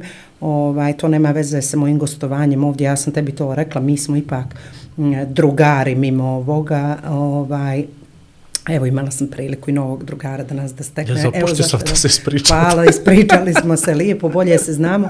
Ovaj, ali, ali reći ću vam nešto. Ja sam uh, tokom proteklog vikenda m, bila kod mojih roditelja da moja, što ja kažem, pravoslavna majka ovaj, farbala jaje, pa smo jeli bili jer nam je to prosto zabavno, imate djece. A onda ćemo sad tokom ovog vjerojatno slaviti Bajram. Suštinska stvar je, to su kategorije o kojima se ne priča. Znači, sve je u redu dogod ima i dogod je osnov odnosa vezan za ljubav, međusobno poštovanje i toleranciju. I to je suštinska, sve ovo ostalo što je trenutno nametnuti narativ opet za ostvarenje nečijih ciljeva, a to ciljevi osjećajnog i pametnog čovjeka nisu da se svađamo, nego da živimo u, u, u ljubavi, mislim da, da je to pravi način da jedno malo zdravije i bolje društvo napravimo i malo da se stvarno zabavljamo, jer nekako smo baš puno nam je politike i svega nam je, fali nam malo zabave i razonode i, i, i lijepih emocija i ljubavi i Yes, strasti. Ali ja isto i mislim da nama je ovako lijepo kad znamo datum narednih izbora, vidiš sad već ovo je 11. jun i čim se primakne taj datum mi ćemo dobijemo novi datum koji ćemo da se radujemo i dok trepneš tu ti je nova godina, Znaš, tako da mislim da opet nisu političari toliko blesavi ja. kako mi smatramo da su. Ja Oni nas zapravo drže u nekoj konstantnoj neću reći tenzije, tenzija je ružna riječ, ali drže nas u nekoj neizvjesnosti, što je lijepo, jer imaš čemu da se raduješ, imaš Zato čemu treba da pričaš. parodiju na sve to pravi sve to. konstantno. Jest. Pa vidi, ja sam svoj ja sam svoj kalendar popunio ove godine sa 22 sportska događaja i meni je praktično stala su mi četiri neplanirana vikenda do kraja godine, koja eto nekako popunim sa nečim stvarno lijepim koje ću, što, što ću da što I tako bi izbori. I, i, i da, a poklape mi se, zamisliš, ne bi vjerovao, je poklapa mi se event sa izborima, ovaj, što je skroz Ovaj, ok, ja moram- ali to bi preporučio ljudima, da u stvari sebi nekako daju malo dugoročnije planove i da ne zavise od ovih e, nametnutih datuma koji jednostavno nas serviraju i kako 11. jun, pa zašto bi ja znao što, što će da bude 11. juna, a evo znam, jel ti, ti, ti ne Ali evo, baš si pomenuo Pa. super eto, projekte koje ti radiš, Ocean Lava i, i, i, i maratone, mislim, stvarno si jedan svjetski duh donio u Crnu Goru. E to je nešto što recimo mora jedan sponsor da prepozna. Ja sad ne, ne zato što si to ti, nego zato što taj događaj ima svoju vrijednost. Isto kao što neki vrhunski muzički festival ima svoju vrijednost, on čak ima i ekonomsku vrijednost. Koliko se tu potroši u smještaju, u hrani, u piću, koliko se kontakata ostvari, koliko no, to je sve finansijski mjerljiva stvar. E i to je bitno da, da, da se okrenemo malo takvim stvari. Mislim, ja ne trčim što se i vidi, ali evo, ko zna, možda ću i to početi da radim. Ne trčim i ja što se vidi. Ovaj, uh, super stvar rekla. Meni kad god se dese izbori u mom životu, ja obožavam taj moment predizborne kampanje, one trash estetike i to gledam baš kao na parodiju. Pa. Jer svi ti ljudi su sad počeli jedno nešto gledaju desno, znaš. Pa onda sljedeći na billboardu je gleda lijevo, znaš. Pa onda neđe pet dana pred kampanjom, on te ovako gleda u oči, hoće li nešto izvući iz tebe. I nevjerojatno kako, ovaj, kako se ti, ta, taj neki brainstorming, sve ono neko copy-paste nečega već viđenog i ono, ja mnogo puta kažem ovaj, i u poslu kojim se bavim, da su nam oteli, su nam sve riječi. Mi ne možemo više da iskoristimo bilo šta što oni već nisu stavili na neki billboard. I ako to kažeš u bilo kakvom kontekstu, neko te tamo prepozna i kaže, "Ah, on je njihov ili on je ovaj. Aj, čuti biti tango, molim te. Više... Inače, šale. Da šale. Ovo je bilo šale. Ja sam rekao, na primjer, Inače, da- mnogo se vole, da kažem javnost Crne Gore, mnogo se vole, samo što neće da pokažu, jer Je, to, ovdje, to. ovdje ih uče da muškarci ne treba da pokazuju emocije prijateljske jedni prema drugima, niti prema ženama, niti prema muškarcima, ukoliko vole muškarce i, i obratno, tako da... Ovo je moje bilo prijateljski, Ovaj. mislim, to sad ovo, sve. Sad- pola sad- sata da- priče sa mojim prijateljem u jutarnjem programu pred novu godinu, svelo se na to što sam ja njemu rekao, a ima li nas? A on kaže, ima nas, iako nema nikakve veze sa, znaš, i samo je ovako, e, kako ti, kako on, e, eto, to je to. E, to meni smeta što neko nam je pojeo neke riječi. Ne samo te dvije, nego 850 riječi. Što se nas tiče, nas ima, koji Ja. se volimo, Da, oni to- drugi to je to, kako god to hoće. je to. Je li to? Dobro, završ, mislim, o, ok, e, imamo na kraju emisije gdje ti nas fališ, ali sumđa da se nisi falila više nego iko, ikad do sad, mislim da možemo Meni je da dobro, izbacimo samo taj ako ne segment. moram kafu da kuvam ponovo, sve je ne, okej. Ne, ne, ne, ne, bez jedino da stane da kaže kako je lijep studij, Je- to je jedino nije rekao. A evo, Ne, daju to ti sam šansu odmah rekla da je baš radost. I, Eto. I moram da priznam da su ove ruže koje su napravljene od papira lutke. To je Ne- Lara radila, to je Lara To je čerka radila, radila. jeste. Svaka Lara čast. radila Svaka. sa I tatinu vizit karta ti je super, Majer. Hvala. Moram da kažem. Isto sam ja esteta, volim ove lijepe stvari, ovaj zlatni otisak, pa Da. to. Da. Valja uložiti u tebe. I u vas. Stvarno. I sve se vrati, sve se vrati, sve se vrati. Hvala Ovaj, vam puno na, na, na pozivu. Baš mi, je, baš mi je bilo lijepo i opušteno i baš predlažem ljudima da dođu jer je drugačije uopšte nije, što kaže, nije tako moramo da teško. smislimo, moramo da smislimo neki slogan ko nas odbije za bolje nije, ili tako nešto. To nešto, ono, znaš, da to krenemo da forsiramo. Vježba ovaj- je ovu epsku, Lirik. epski deseterac. Ovaj, dobro, to je to. Šajh, daj nam trojku. Ovaj, eto, sezona 6, epizoda 13, privodimo kraju, ostale zahvalimo sponzorima, hvala ovima, onima najbitnijima. Meridian bet. Hvala Elko timu na divnoj rasvjeti, Lamija Kazi što nas je ovako lijepo premila, Kimbu na mojoj dozi espressa, Red Bullu što je Vladu dao krila i pozdravljamo još jednom divnu, divnu, divnu našu kotoranku Ninu Ređepagić uz stari crnogorski pozdrav. Aj, prijatno.